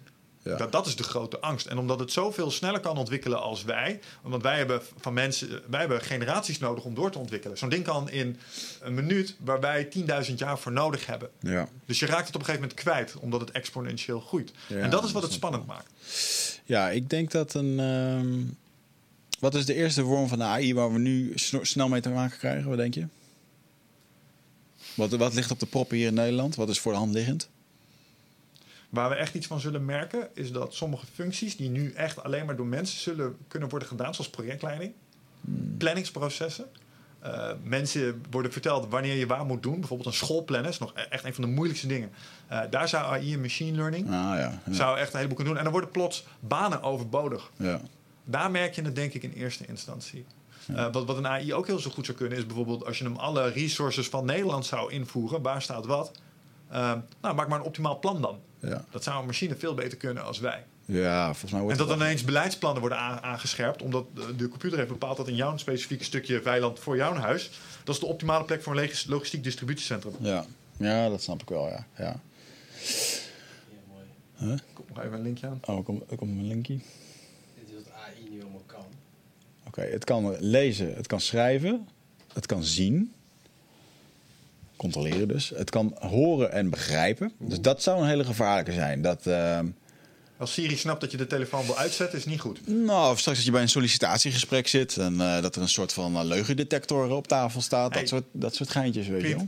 Ik weet niet hoe vaak jij hier in de podcast misschien wel eens dingen hebt aangedikt. Maar er zijn al algoritmes. dat Als je al onze video's er doorheen haalt, kan dat ding met een redelijke zekerheid Ja. vertellen wanneer we zitten te bullshitten en wanneer niet. Mhm, mhm. Eh, nou, het kan spreken, het kan ruiken. Wow, dat is interessant. Het kan aanraken, het kan bewegen. Het kan eh, emoties begrijpen. Dat is Nou, dit weet elke gamer. Games. Het kan spelletjes spelen, het kan debatteren. Het kan creëren en het kan je, oh, het kan je eh, gedachten lezen. En eh, Druk, uitdrukking. Ja, Ja. gezichtsinterpretatie. read your mind. Dus het gaat hier overtjes. eh, het, kan, eh, het kan jouw eh, breinsignalen interpreteren. Oké, ja, dat snap ik wel. Ik weet dat ehm, bij elke beweging die je maakt, als ik nu mijn hand omhoog doe, dan geeft dat altijd dezelfde breingolf. Die is voor mij uniek. Maar als die één keer geregistreerd is, dan zou er straks eh, met een kunstarm, en ik zou daaraan denken, zou die breingolf, zou die arm omhoog Ja hoor, eh, sterker nog, je hebt al peripherals eh, voor je computer. Ik ben even kwijt hoe dat ding heet. Die kun je trainen om bijvoorbeeld blokjes over het scherm heen te laten bewegen met je Ja. gedachten. Kan uiteindelijk ook je muis besturen. ja. Dat is fascinerend. ja, dit zijn bijzondere dingen. Moet je voorstellen hè, dat je technologie hebt die jouw hersengolven zo kan lezen dat je muisbewegingen puur op je gedachten zijn. Ja. Daar, daar, daar, daar, daar. Je hoeft maar te kijken en hij klikt erop. Zeg. Ja. Dat Ja, Black Mirror heeft zo'n aflevering waarbij eh, alles, op- alles wordt opgenomen en dat je alles kan terugkijken. Ja. ja. En dat, je ook, eh, dat hij op een gegeven moment tegen zijn vrouw zegt van... Hey, ga eens terug naar dat etentje. Ik wil dat beeld wel eens even zien hoe dat je toen met hem zat te praten. En dat zij helemaal verliefd was op iemand anders. En dat hij haar dan dwingt met een mes om dat te doen. Omdat hij anders die chip eruit snijdt en zo. Ze helemaal daar. Freaky.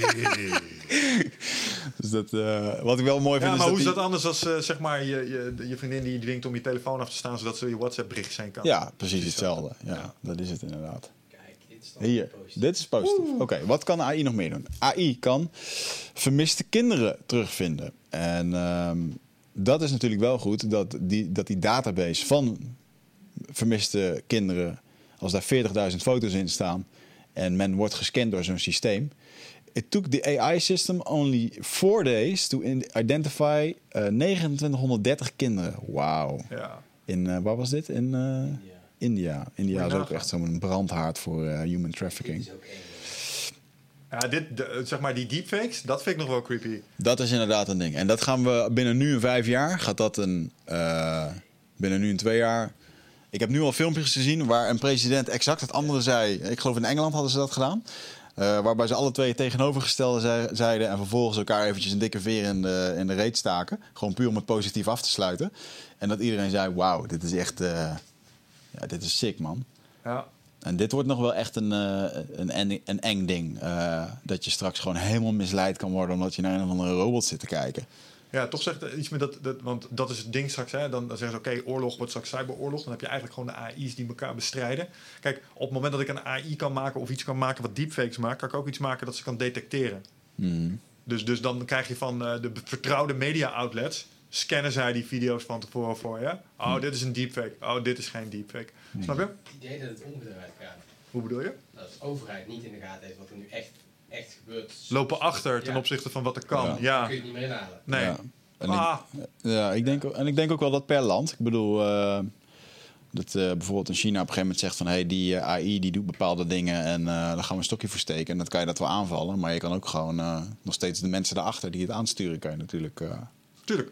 Aanvallen. Nou ja, hey, luister, als je, als, je, als je een Jocko vraagt, die zal, eh, en dan heb je het over de robot wars, die zeggen, ja, er zijn altijd mensen die de robots nog weer in, eh, in het stopcontact moeten steken. Ja. Ondanks de, de human factor kun je er niet uithalen, nee, nee. snap je? Gaat, eh, ehm, eh, gaat Nederland, of sorry, Nederland, gaat China met Amerika in oorlog? Volgens jouw eh, eh, kennis? Nou, niet op korte termijn, denk ik. Maar wat ik daar straks zei over China is dat het de long game speelt. En, Mhm. en, en ik weet niet of Amerika in staat is om zichzelf nog heel veel langer als eh, de onbetwiste nummer 1 in de wereld te manifesteren. Omdat ze al die tijd een beetje roofbouw hebben gepleegd. Maar ik denk dat de eerste conflicten eh, zullen plaatsvinden in, eh, in, in de contrai daar India. Rusland. Misschien Rusland. Nou, ik weet niet hoe de verstandhouding tussen die twee momenteel is. Het zijn wel allebei communistische partijen natuurlijk. Of eh, clubs. Als, als ik China was, zou ik met Rusland samen tegen Amerika. Snap je wat ik bedoel? Ja. Zou slimmer zijn. ja. Maar ik weet het niet. En eh, ik, laat ik het zo zeggen, ik hoop het niet. Ik hoop dat wij als mensen eens kappen met al die oorlog en ons eh, inderdaad gaan verenigen. Want ik herhaal, ik vind een, eh, een New World Order misschien niet eens zo'n slecht idee. Alleen het hele probleem is dat ehm, het, kon- het zou nu voortkomen uit de bestaande machtsstructuren. En die zijn inherent al corrupt. Ja. Ja, en daardoor is het dan goed om zo'n systeem op zijn kop te gooien en opnieuw op te bouwen. Ja, maar dat is een heel Maar, pijnlijk eh, proces. dat is een heel pijnlijk proces. Wil jij die En, eh, generatie zijn die dat moet doen? Zou je dat, zou je dat niet willen? Dat je, dat je 20 jaar economische onrust Nee. en tegemoet gaat om die transitie Als ik, erover, als ik erover nadenk, dan zou het al. eh, dan doet het mijn kop al, al pijn. Want het wordt zo ontzettend complex. Daar kan ik helemaal geen oordeel over geven. Dat moet ik ook niet doen. Maar misschien ook niet. Want dat is misschien weer waar ze naar iets gaan doen. Wat nou als we met 15 per persoon minder per maand allemaal in landen met een bepaalde inkomstengrens.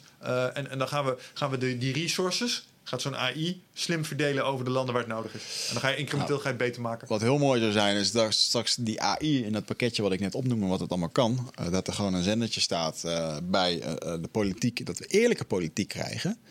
Dat er een zendertje voor iemand staat en die eventjes vertelt dat er een soort metertje uitslaat bij alles wat hij zegt, in hoeverre dat hij het meent of dat het waarheid is. Ja, ja gewoon En dat er een een soort- live leugendetectie. En dat er een soort van verplichting is van transparantie. En ehm, dat als je dat niet eh, handhaaft, dat je dan eh, eh, jezelf moet verantwoorden. Dan denk ik, oké, dan hebben we heel eerlijk leiderschap. Ik ben benieuwd hoe dat dan in de praktijk gaat. Denk je niet dat het leiderschap... Wat zou je hiervan vinden? Wat zou jij als burger zijnde... ehm, en ik wil niet zeggen dat dit voor elke burger moet... maar zou, zou je, wat zou je vinden van iets wat ze in het oude Rome deden? Een soort burgerschap was, was voor mensen die echt daadwerkelijk iets bijdroegen. Eh, daar, daar was het nog helemaal, was nog helemaal verneukt... want vrouwen konden bijvoorbeeld niet meedoen in dat systeem. Maar stel je voor, je zou zeggen... Hey, ieder, ieder mens die een bepaalde leeftijd heeft bereikt... ik vind 18 ook nog te jong, 24 misschien beter... ehm, mag, mag meestemmen over landelijke en, en regionale besluitvorming. Alleen wat ze moeten doen, en dat komt uit Idiocracy, eh, dat is die film over eh, hoe de wereld er, eh, hoe het politieke systeem in Amerika zou zijn. De film is tien jaar geleden gemaakt, lijkt er nu echt verdacht veel op. Ehm, maar dan moet je een soort test doen. Moet je zo'n vierkantje door een vierkantje doen, Ja, eh, een driehoekje door een driehoekje, een rondje door een rondje. En als je dat kan, dan ben je slim genoeg om te stemmen. oké. Eh, ja. Ik denk dat je iets soortgelijk zou moeten doen voor ons. Dus als jij bepaalde video's hebt gekeken ehm, van, van je politieke partij, of een aantal politieke partijen, ben je meer, vanuit meerdere hoeken voorgelicht. En dan pas mag je online mag je stemmen over iets. ja. Eh, en dan op basis van de hoeveelheid stemmen worden dus middelen eh, worden geallockeerd. En dat ziet dan uit, oké, we hebben 20.000 over eh, als gemeente Amsterdam. Gaan we dat hier investeren in dit fietspad? Of gaan we daar hier dit plantsoen van eh, renoveren? Of gaan we daar deze school nieuwe boeken van geven? Nou, Ja. politieke partij A zegt dit, die zegt dat, die zegt dit. Welk van de keuzes wilt u maken, beste burger? Alleen, je mag niet, ja, maar dat duurt lang, maar dan moet ik eh, 10 minuten naar een filmpje kijken. Ja, dat is de minimale eis, ja. Dat je, Ja. dat je filmpjes kijkt die je voorlichten over waar je eigenlijk op stemt. En dat Ja. plots de taak van de politieke partij wordt de informatievoorziening ja. zo goed mogelijk binnen hun eigen ideologie aan te leveren. In plaats van dat we één persoon hebben die allerlei dingen, eh, allerlei mensen vertegenwoordigt vanuit zijn partij omdat we op hem gestemd hebben. Maar als hij een kutdag heeft gehad met zijn vrouw, de dag ervoor, eh, wel zijn performance beïnvloedt. Ja. Bij het overbrengen van de informatie die hij moet uitdragen. Snap je wat ik bedoel? Ja, ja, ja, ja, ja. Wat zou jij, zou jij iets voelen voor zo'n systeem Ja. als burger? Ja, zeker wel. Ja, ik verbaas me erover. Nou, toevallig net nog hiervoor. Ik werd hier net gebeld door de gemeente Amsterdam dat ik een eh gemeentebelastingrekening niet had betaald. Dan denk ik, ah, jullie bellen wel hiervoor met een hele aardige dame. Ehm, dus, hè, want daar wordt geld aan verdiend. Maar ik zou het ook eigenlijk wel enerzijds terecht, want eh, eh, eh, iedereen moet natuurlijk gewoon zijn dingen betalen. Maar ik werd netjes even herinnerd. Ehm, denk ik ja, maar ik zou eigenlijk ook wel gewoon via mijn DigiD Waarmee ik natuurlijk eigenlijk weer heel dat digitale ID in de hand speel. Uh, maar ik zou er wel... Uh, uh, joh, Wigert, jij betaalt zoveel duizend euro belasting per maand. Dankjewel. 50% van gaat naar de overheid. Heb je geen zicht op, is algemeen. Hè, dat, dat gaat gewoon in de grote pot. Maar er is wel een percentage waar je zelf aan mag kiezen waar je het aan uitgeeft. Ja, zoiets. Dat lijkt me een heel, ja. ja heel fair systeem. Afhankelijk van waar je woont, afhankelijk. En, en ik heb ook gezegd, denk ja, moet je dan per se inkomsten genereren om dit te kunnen doen? Want stel je voor, je hebt iets van een handicap waardoor je niet kunt verdienen, bijvoorbeeld. Mm. Uh, vind ik wel dat je moet kunnen meestemmen. Maar misschien moet je wel een bepaalde mate van die. Want dat is ook een ding. Niet iedereen is gelijk, man. Sommige mensen wil je echt niet betrekken bij het besluitvormingsproces. Jij en ik kennen allebei mensen die je zo ver mogelijk bij de politiek uit de boert wil houden als je mogelijk maar kan. Ja, ja. Uh, want daar gaat geen goeds uit voortkomen. Maar ik vind bijvoorbeeld wel, er is wel mooi om een, uh, om bijvoorbeeld via dat DigiID, om een, bijvoorbeeld een stemproces te doen. Dus als er nu bijvoorbeeld een landelijk forum is Oké, willen we straks allemaal die coronavaccinatie? Nou, laten we dat eens eventjes landelijk bij iedereen peilen. Je kan tot volgende week doen. Er hebben zoveel duizend mensen gereageerd. Die hebben het niet gedaan.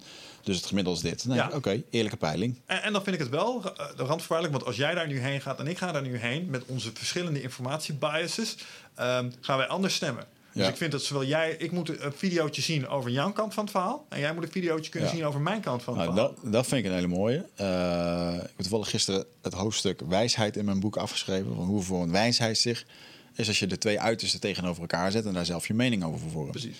Alleen, uh, uh, ja, dat, ja, ik denk wel dat dat gewoon, dat zou de oplossing moeten zijn inderdaad. Nou. Maar we got a long way to go, man. Ja. Um, er is, er is nog wel één dingetje wat ik wil delen. En dan uh, breien we wat mij betreft een eind dan uh, voor vandaag. Want ik had ook wat dingen voorbereid over kritisch denken en zo. En over hoe je dit soort dingen nou... Kijk, alle dingen waar we het over hebben gemijmerd. Uh, vooral de conspiracy kant. als je een beetje kritisch denkt... Dan, dan, kun je een heleboel dingen kun je al uh, elimineren opties. Zijn er echt satanistische invloeden die uh, via de, de DMT-realm ons beïnvloeden? Nou, als je de scientific method erop zou naslaan ja. en die zou je erop hanteren, waarschijnlijk niet. Want dat zijn gewoon een aantal stapjes die je standaard kunt doorlopen. Maar dat, was een, uh, een, een, dat is lastig, want er zijn allerlei hele complexe vraagstukken en dingen vanuit meerdere pers perspectieven te bekijken. Maar deze vond ik mooi. Deze was van Kurtske Zaakt. Die zei eigenlijk, hoe kun je in één minuut bepalen, minder dan één minuut bepalen, of iets een conspiracy is, ja of nee? Mm -hmm. En dat was eigenlijk de volgende. De vraag is: raakt het rijke mensen? en als het antwoord is ja, is het waarschijnlijk geen conspiracy. Dus is er een conspiracy dat Big Pharma het kankergeneesmiddel achterhoudt? Gaan er rijke mensen dood aan kanker? Steve Jobs, ja, is het waarschijnlijk geen conspiracy. Ja? Uh, COVID, uh, uh, zeg maar, is COVID een conspiracy? Worden de presidenten ziek van? Ja. Worden de mensen in de overheid ziek van? Ja is het waarschijnlijk geen conspiracy. Um, oh. Laatste voorbeeld, chemtrails. Chemtrails. Chemtrails zijn chemicaliën die in de lucht worden verspreid om de mhm. bevolking dociel te houden. Ja. Uh, ademt Trump zelf die lucht in? Ja, ja, ja. is het waarschijnlijk geen conspiracy. Ja. Nou, dat, dat soort dingen begrijp ik. Ik vind alleen wel dan, dan is het wel, um, hè, raakt uh, child trafficking rijke mensen. In mindere mate, denk ik. Is het dan een conspiracy? Ja, maar hey, nee, ik vind dat geen conspiracy, want dat is zo. Dat zijn cijfers, dat zijn mm. feiten. Ik heb het hier even over de exotische dingen, zoals bijvoorbeeld uh, chemtrails, flat earth, uh, maar, out big, uh, big pharma, dat soort dingen achter. De, ja. Er is niemand die zegt, hey, die ontvoeringen die vinden niet plaats. Mm. Waar je misschien een conspiracy theorie te pakken zou hebben, zijn dat dan echt satanisten? Mm. Ja, dat weten we niet.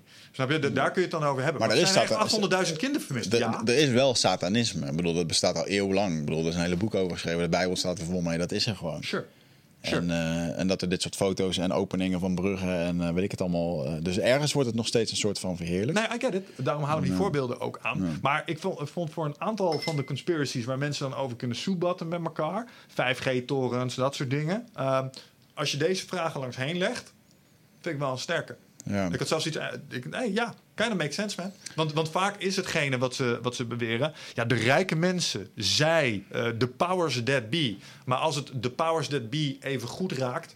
Uh, dat ja. zouden ze zichzelf waarschijnlijk niet aandoen. Dus daarmee kun je 50% van al die conspiracies waarschijnlijk gewoon al ja. wegdoen. Ja, ik geloof dat bijvoorbeeld met zo'n Elon Musk met zijn 5G en die dan heel de wereld onder die straling wil zitten, denk ik ook ja, iedereen zit daar wel straks in, ongeacht of dat je op een, uh, op een eilandje woont. Um, ja. Maar ik denk ook dat er een bepaalde. Die mensen geloven dus niet dat het hun raakt, schijnbaar. En ehm, Nee, maar laten we 5G als voorbeeld nemen. Stel, jij zit eh, in de raad van bestuur van de technologiebedrijven die je dan zogenaamd weet van zouden hebben. Die zouden dat doen. Die hebben ook kinderen, die hebben ook dochters. Die gaan ook gewoon naar school. Die worden daar ook aan blootgesteld. Ja, die maar- willen dat ook niet. Nee, maar dat geloof ik niet. Dat, dat zegt niks. Ik bedoel, als je daar diep over na gaat denken, eh, nee. Maar die mensen die werken daar en die krijgen gewoon voorgeschoteld dat het niet schadelijk is. Nee, dat snap ik wel. Maar als jij ergens in de besluit... Ik, ik heb het over mensen die betrokken zijn bij de besluitvorming... en die vol in de know zijn hierover dan, zogenaamd. Ehm, die hebben ook... Ja, oké, als jij eh, de single guy bent... en eh, je bent megalomaan en psychopaat... en het enige wat jij omgeeft is mensen kwaad aan doen... dan misschien. Maar zodra je al kinderen hebt of kleinkinderen maar hebt... hoe- hoeveel doktoren zijn er eigenlijk tegen antipsychotica, maar begrijpen ook dat ze in een systeem zitten dat ze antipsychotica moeten voorschrijven? Terwijl ze eigenlijk denken, fuck man, die mensen hebben gewoon 24 uur per dag hulp nodig. Maar dat is er niet. Oh zo. Dus Ja. ehm, ja, ja, maar dan heb je het ook gewoon over kiezen tussen kwaden. Soms, soms moet je voor het mindere kwaad kiezen. Dat snap ik ook wel. Ja. Maar in, in ieder geval, Ja. waar, waar het me om ging... is dat er zijn een heleboel buitensporige theorieën op het internet te vinden. Eh, en de helft kun je wat mij betreft in ieder geval afdoen als nonsens... als je er zorgen over maakt, als je deze er even langs legt. Ja. En ik denk dat er een boel conspiracies te vinden zijn... eh, waarbij dat 100% opgaat. Ja. Het, lastige is dat het. ehm, je kan heel specifiek. hè, bijvoorbeeld, COVID is een conspiracy, maar dan neem je het heel groot. Maar als je zegt. ehm, COVID en de farmaceutische industrie is een conspiracy. Daar raak je wel al een ding waarbij je heel veel kan vinden. Want dat raakt heel veel rijke mensen. Sure. Ook in positieve manier, zeg maar. Als dat, En dan, als en dan zegt kritisch denken, zegt ook een aantal dingen die je kunt Ja. doen. En die komen dan op antwoorden die waarschijnlijk in, eh, in, in, in jouw punt vallen. Eh, stel vragen. hey, joh, wie wordt hier beter van? Ehm, ja, kijk, kritisch denken zegt eigenlijk vier dingen. Hè? Eén, stel vragen. En er zijn een aantal goede soort vragen die je kunt stellen eh, in dat soort gevallen. Het zijn altijd wie, wat, waar, wanneer, waarom en hoe vragen. Hmm. Ehm, maar hoe doen ze dat dan bijvoorbeeld? Of eh, waarom zouden ze dat doen? Of eh, waarom zouden ze het niet doen? Ja. Weet je, als je die vragen, dus bekijk kritisch. Ehm, Ja, zoek, zoek informatie. De feiten, inderdaad. Ja, zoek de feiten. Maar, maar zorg, en zorg dat door het zoeken van die informatie je patroonherkenning aangaat. Maar stel wel vragen bij de bronnen. Dus eh, zit je alleen op de NPO te kijken? Of zit je ook op Reuters, Geen Stijl, Reddit? Kijk je over het hele spectrum heen? Ehm, dan is drie, analyseer het met een open mind. En, en dat vind ik wel een heel interessante. Want als je nou kijkt naar COVID... eh, daar ben ik zelf tegen een aantal van deze dingen aangelopen. Bij mensen, als we interpreteren... wij hebben allerlei voorliggende patronen. Mhm. En die vind ik altijd wel heel interessant om, om er even bij te pakken voor jezelf. Moet je maar eens nagaan. Wanneer was de eh, Dunning-Kruger hebben we het toen over gehad, hè? Dat is namelijk het fenomeen dat, dat mensen die heel weinig ergens van weten... denken dat ze er heel veel van weten en andersom. Ja, Heb je er zelf eens op betrapt? zeker. Ja, ik ook wel. Confirmation bias. Dus als we nu zoeken dat eh, vaccinaties slecht zijn... zal onze geest vooral op zoek zijn naar feiten die dat bevestigen. Ja. Ehm, de self-serving bias. eh, voorbeeld 12 waves. De maakbaarheid van het leven. Versus de discussie over vrije wil. Als ik vrije wil 100% strak interpreteer op basis van de feiten... dan is dat echt allemaal bullshit, al die Ja. zelfhulp. want, want het gebeurt je toch maar. Mhm. Eh, dus, dus mijn logica is daar soms self-serving. Ja. Ehm, de curse of knowledge.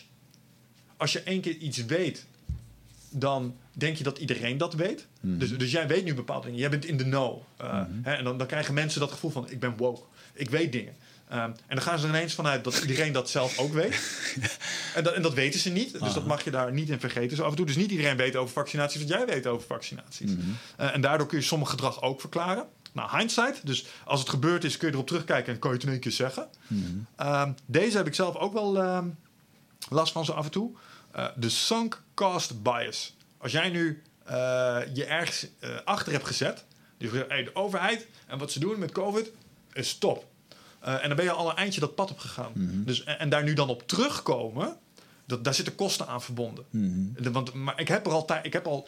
Ik, ik zit hier al bijna, ik heb dit verdedigd. Nu moet ik Ja. erop terugkomen. Dus, ehm, of wat ze ook wel noemen chasing the pot. Dat als je in een casino zit en je hebt al heel veel geld uitgegeven, moet je blijven doorgokken, want uiteindelijk gaat die renderen. Dus dat, dat is er één.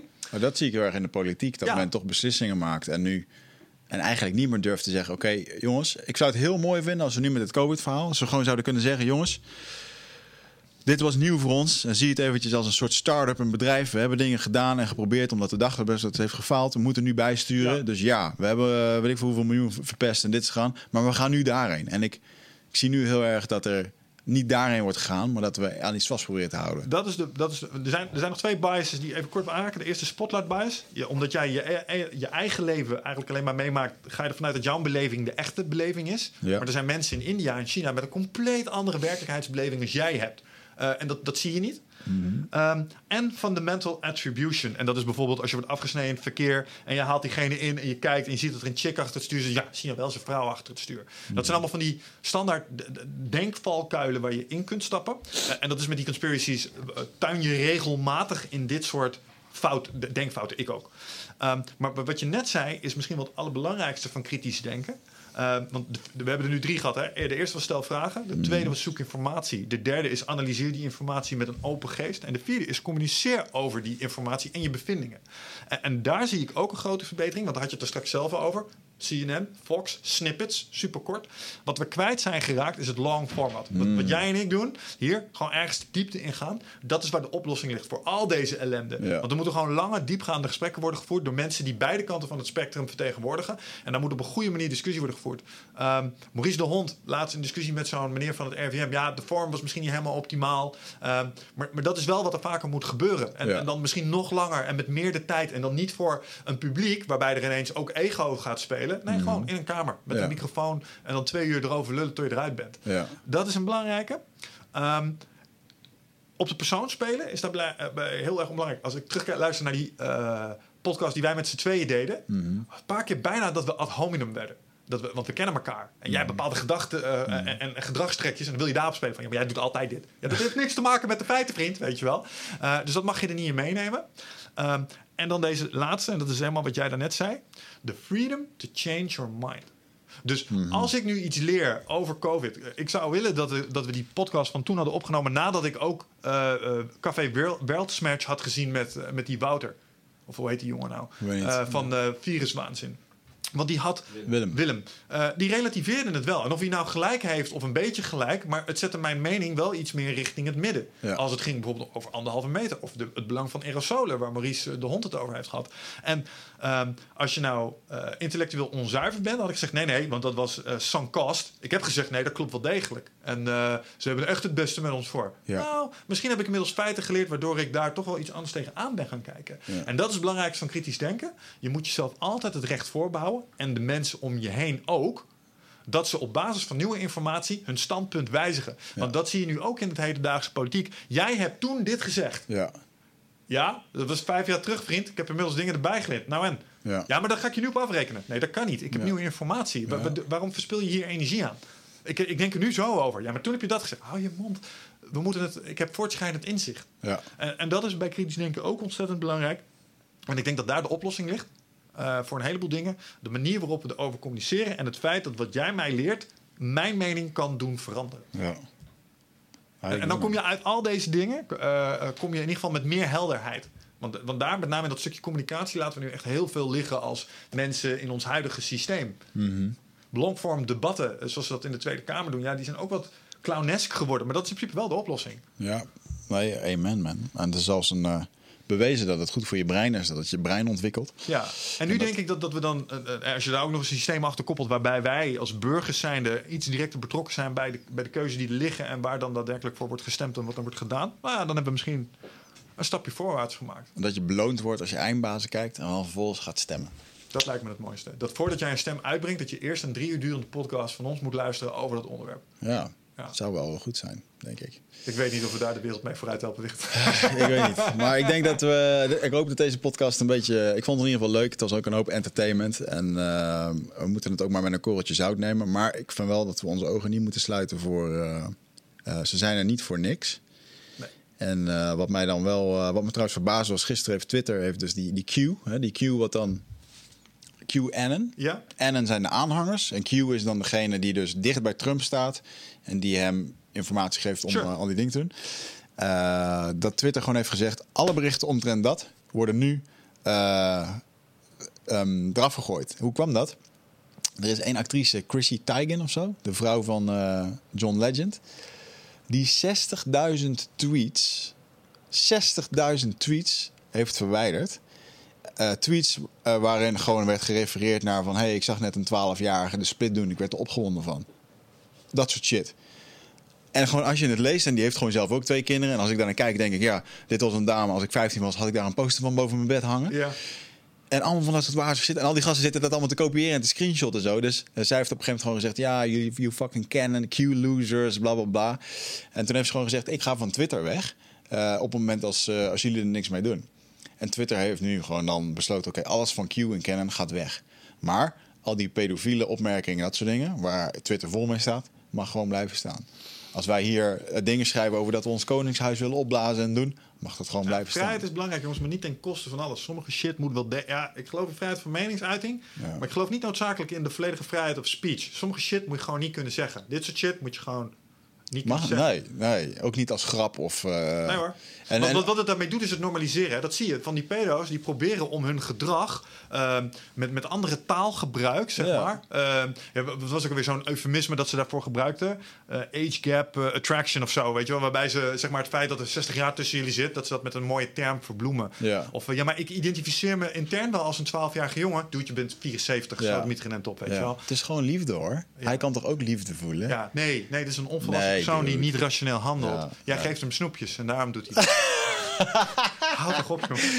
Maar tegelijkertijd, ja, ik vond het ook leuk om over dit soort dingen te praten. Maar eh, een boel van die shit, zoals de hyperspace lexicon... En, en de dingen als het gaat om ancient astronauts... en dat land is en al die dingen. Ik, ik, ik consumeer het ook zoals ik een actiefilm consumeer. Met een, ge-. Ja. met- het is leuk om erover na te denken zo af en toe. Ja. Eh, horrorfilms zijn ook leuk om te kijken... maar dat wil niet zeggen dat ik per se een poltergeist geloof. Snap je? Nee. Ik zat vanochtend nog even in de Flat Earth kijken. Er schijnt een gat te zijn. Ook wel een apart soort mensen. Ja. zat- er schijnt een apart gat te zijn bij de... eh, als je dus de oude kaarten kijkt, die ook getekend zijn. Ja. Graham, Graham Hancock zit hier ook wel in. Die heeft het overigens nooit beweerd dat het een Flat Earth was. Eh, voor de luisteraars, luisteraars, ik geloof niet in Flat Earth. André Kuipers is hier geweest en ik geloof hem. Eh, maar ehm, dat er een soort, er zou een gat zijn bij eh, de, de sneeuw, de, noem je dat? De Zuidpool, Zuidpool, daar Noordpool, bij Zuid-Amerika. En daar kan je dan doorheen en er liggen nog een paar eilanden. Ja. En, en dat is waar je ook tussendoor, daar zouden de rijken dan wonen en Oh. doen. En eh, ja, interessante materie. Als je dat. Dus er zouden werelden in werelden zijn. Eigenlijk zijn we omringd door een soort ijsmuur, maar daar zouden we ook overheen kunnen of tussendoor. En daarachter ligt dan nog weer een apart. Ja, ik vind Flat Earth bullshit. Want als, als de aarde plat zou zijn, kan die niet hol zijn. En eh, de aarde is namelijk wel hol. En daar wonen ook hele bescha beschavingen. Hollow Earth. Je hebt ook Hollow Earthers. je, je bedoelt dat de aarde hol is, maar we zitten toch op een bal lava. Nee, nee, nee, ik maak een grapje. Maar je hebt mensen die geloven dat de aarde plat is. Ja? En je hebt ook mensen die geloven dat die hol is. Hmm. Dus dat als je graaft en je graaft maar diep genoeg dat je in een soort gigantische grot komt. En daar wonen ook allerlei dingen. Zoals reptilians. En ja, joh, is Ah. fantastisch. Ja. ja volgens de Sioux-Indianen komen we wel uit de aarde. Ehm, maar dat is weer een ander verhaal. Ja, vol- volgens de Hopi, een Zuid-Afrikaanse stam, komen we juist weer van de ster Sirius. Ja. vind ik ook zo'n fascinerend verhaal. Die luisteren heel specifiek weten. Ja, we komen uit sterren. Van die daar. Eh, en wat ze volgens mij, eh, wat het, wat het zo'n verhaal dan weer extra frappant maakt, is dat ze dan ook iets kunnen vertellen over de samenstelling van het zonnestelsel. Het is een ster waar, eh, het is een, nee, ik geloof een tweelingster, waar drie planeten omheen zwaaien Ja. of zo. En dat ze dat toen wisten. En dat, en dat ze, ze, zeg maar, dan kijken met, met, met de desbetreffende telescopen van, motherfucker, klopt gewoon. Echt? Ja, Ja, dat is ja, dat soort dingen. Dat je denkt, hè, maar hoe dan? Of eh, de piramides van Giza, die zijn ook volgens mij uitgelijnd, ik geloof, met het sterrenstelsel Sirius. Ja, Op de- de riem op- van de- op- de op van de exacte of zo, graad weet je wel. inderdaad, ja. Dat ze denken, denken ja, maar Ja. hè, waarom dan? Of dat er eh, tekeningen zijn gemaakt met de hand. Graham Hancock heeft daar een mooie beschrijving in zijn Fingerprints of the Gods boek. Echt een dikke pul. Daarin ehm, heeft de Britse Air Force die heeft die tekeningen bekeken. En die heeft gewoon gezegd van dit, dit, dit, kreeg, krijgen wij nu pas met de technologie die we nu hebben. Krijgen we dit gemaakt. En dat dat toen is gemaakt, dat, dat slaat helemaal nergens op. Wij kunnen dit pas tien jaar of zo. Bedoel je die ene van Quetzalcoatl? Kun je die nog eens eh, opzoeken? Ehm, Dat is, niet. dat is zo'n hieroglyf eh, en dat lijkt net op zo'n eh, Maya-Inca die eh, op een raket zit. Nou, dit gaat over lengte, breedte, graad, dat soort dingen. Alleen dat lengte, Oh, lengte ja. breedte graad is pas ergens in 1920 of zo is dat uitgevonden.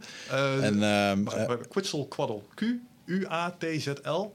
En dan Quattl, ook met een Q. En dan Rocket. En dan vind je hem waarschijnlijk wel. anderzijds zou je kunnen zeggen dat deze mensen, ehm, hè, want lengte, breedte graad zou je gewoon kunnen zien als een, ehm, als een instrument, als een, hoe noem je dat, als een principe, als een natuurwet. Ja. Ehm, en zij hadden dat gewoon op een, op een veel eerdere manier al bedacht, op een of andere reden. Maar ja, dat, Ja, nou ja, maar hey, ehm, de oude Sumeriërs en dat op zich eh, was ook een, eh, dat was een van de eerste beschavingen. Een van de eerste makers van het schrift. Eh, en die lui die hadden ook kennis over het zonnestelsel. Er, er zijn eh, eh, zeg maar van die kleitabletten gevonden. Dan zie je de koning staan, dan zie je de zon. En dan zie je daar onze zeven... eh, hoeveel planeten hebben wij? Zes of zeven? Ligt er Ja. of Pluto meetelt of niet. Ehm, in de juiste verhoudingen, dus Mars, Venus, dat zie je allemaal. Dat wisten zij. Ja, Fascinerend. Dat soort dingen, dat, hè, daar, daar kom je in de Indiana Jones hoeken uit. Crystal Skull gaat eigenlijk ook over. Ja, ik ben toen bij Chichen Itza geweest in Mexico. En dan hadden ze bovenop die toren eh, hadden ze de toren. En er was een soort. eh, de, eh, als je bovenop stond, dan was er een klein taluutje van een halve meter. En daar schenen dan de astrologen onder te liggen. Met allemaal draadjes die gespannen waren. En dan gingen ze iedere avond gingen ze onderrichten om te kijken welk.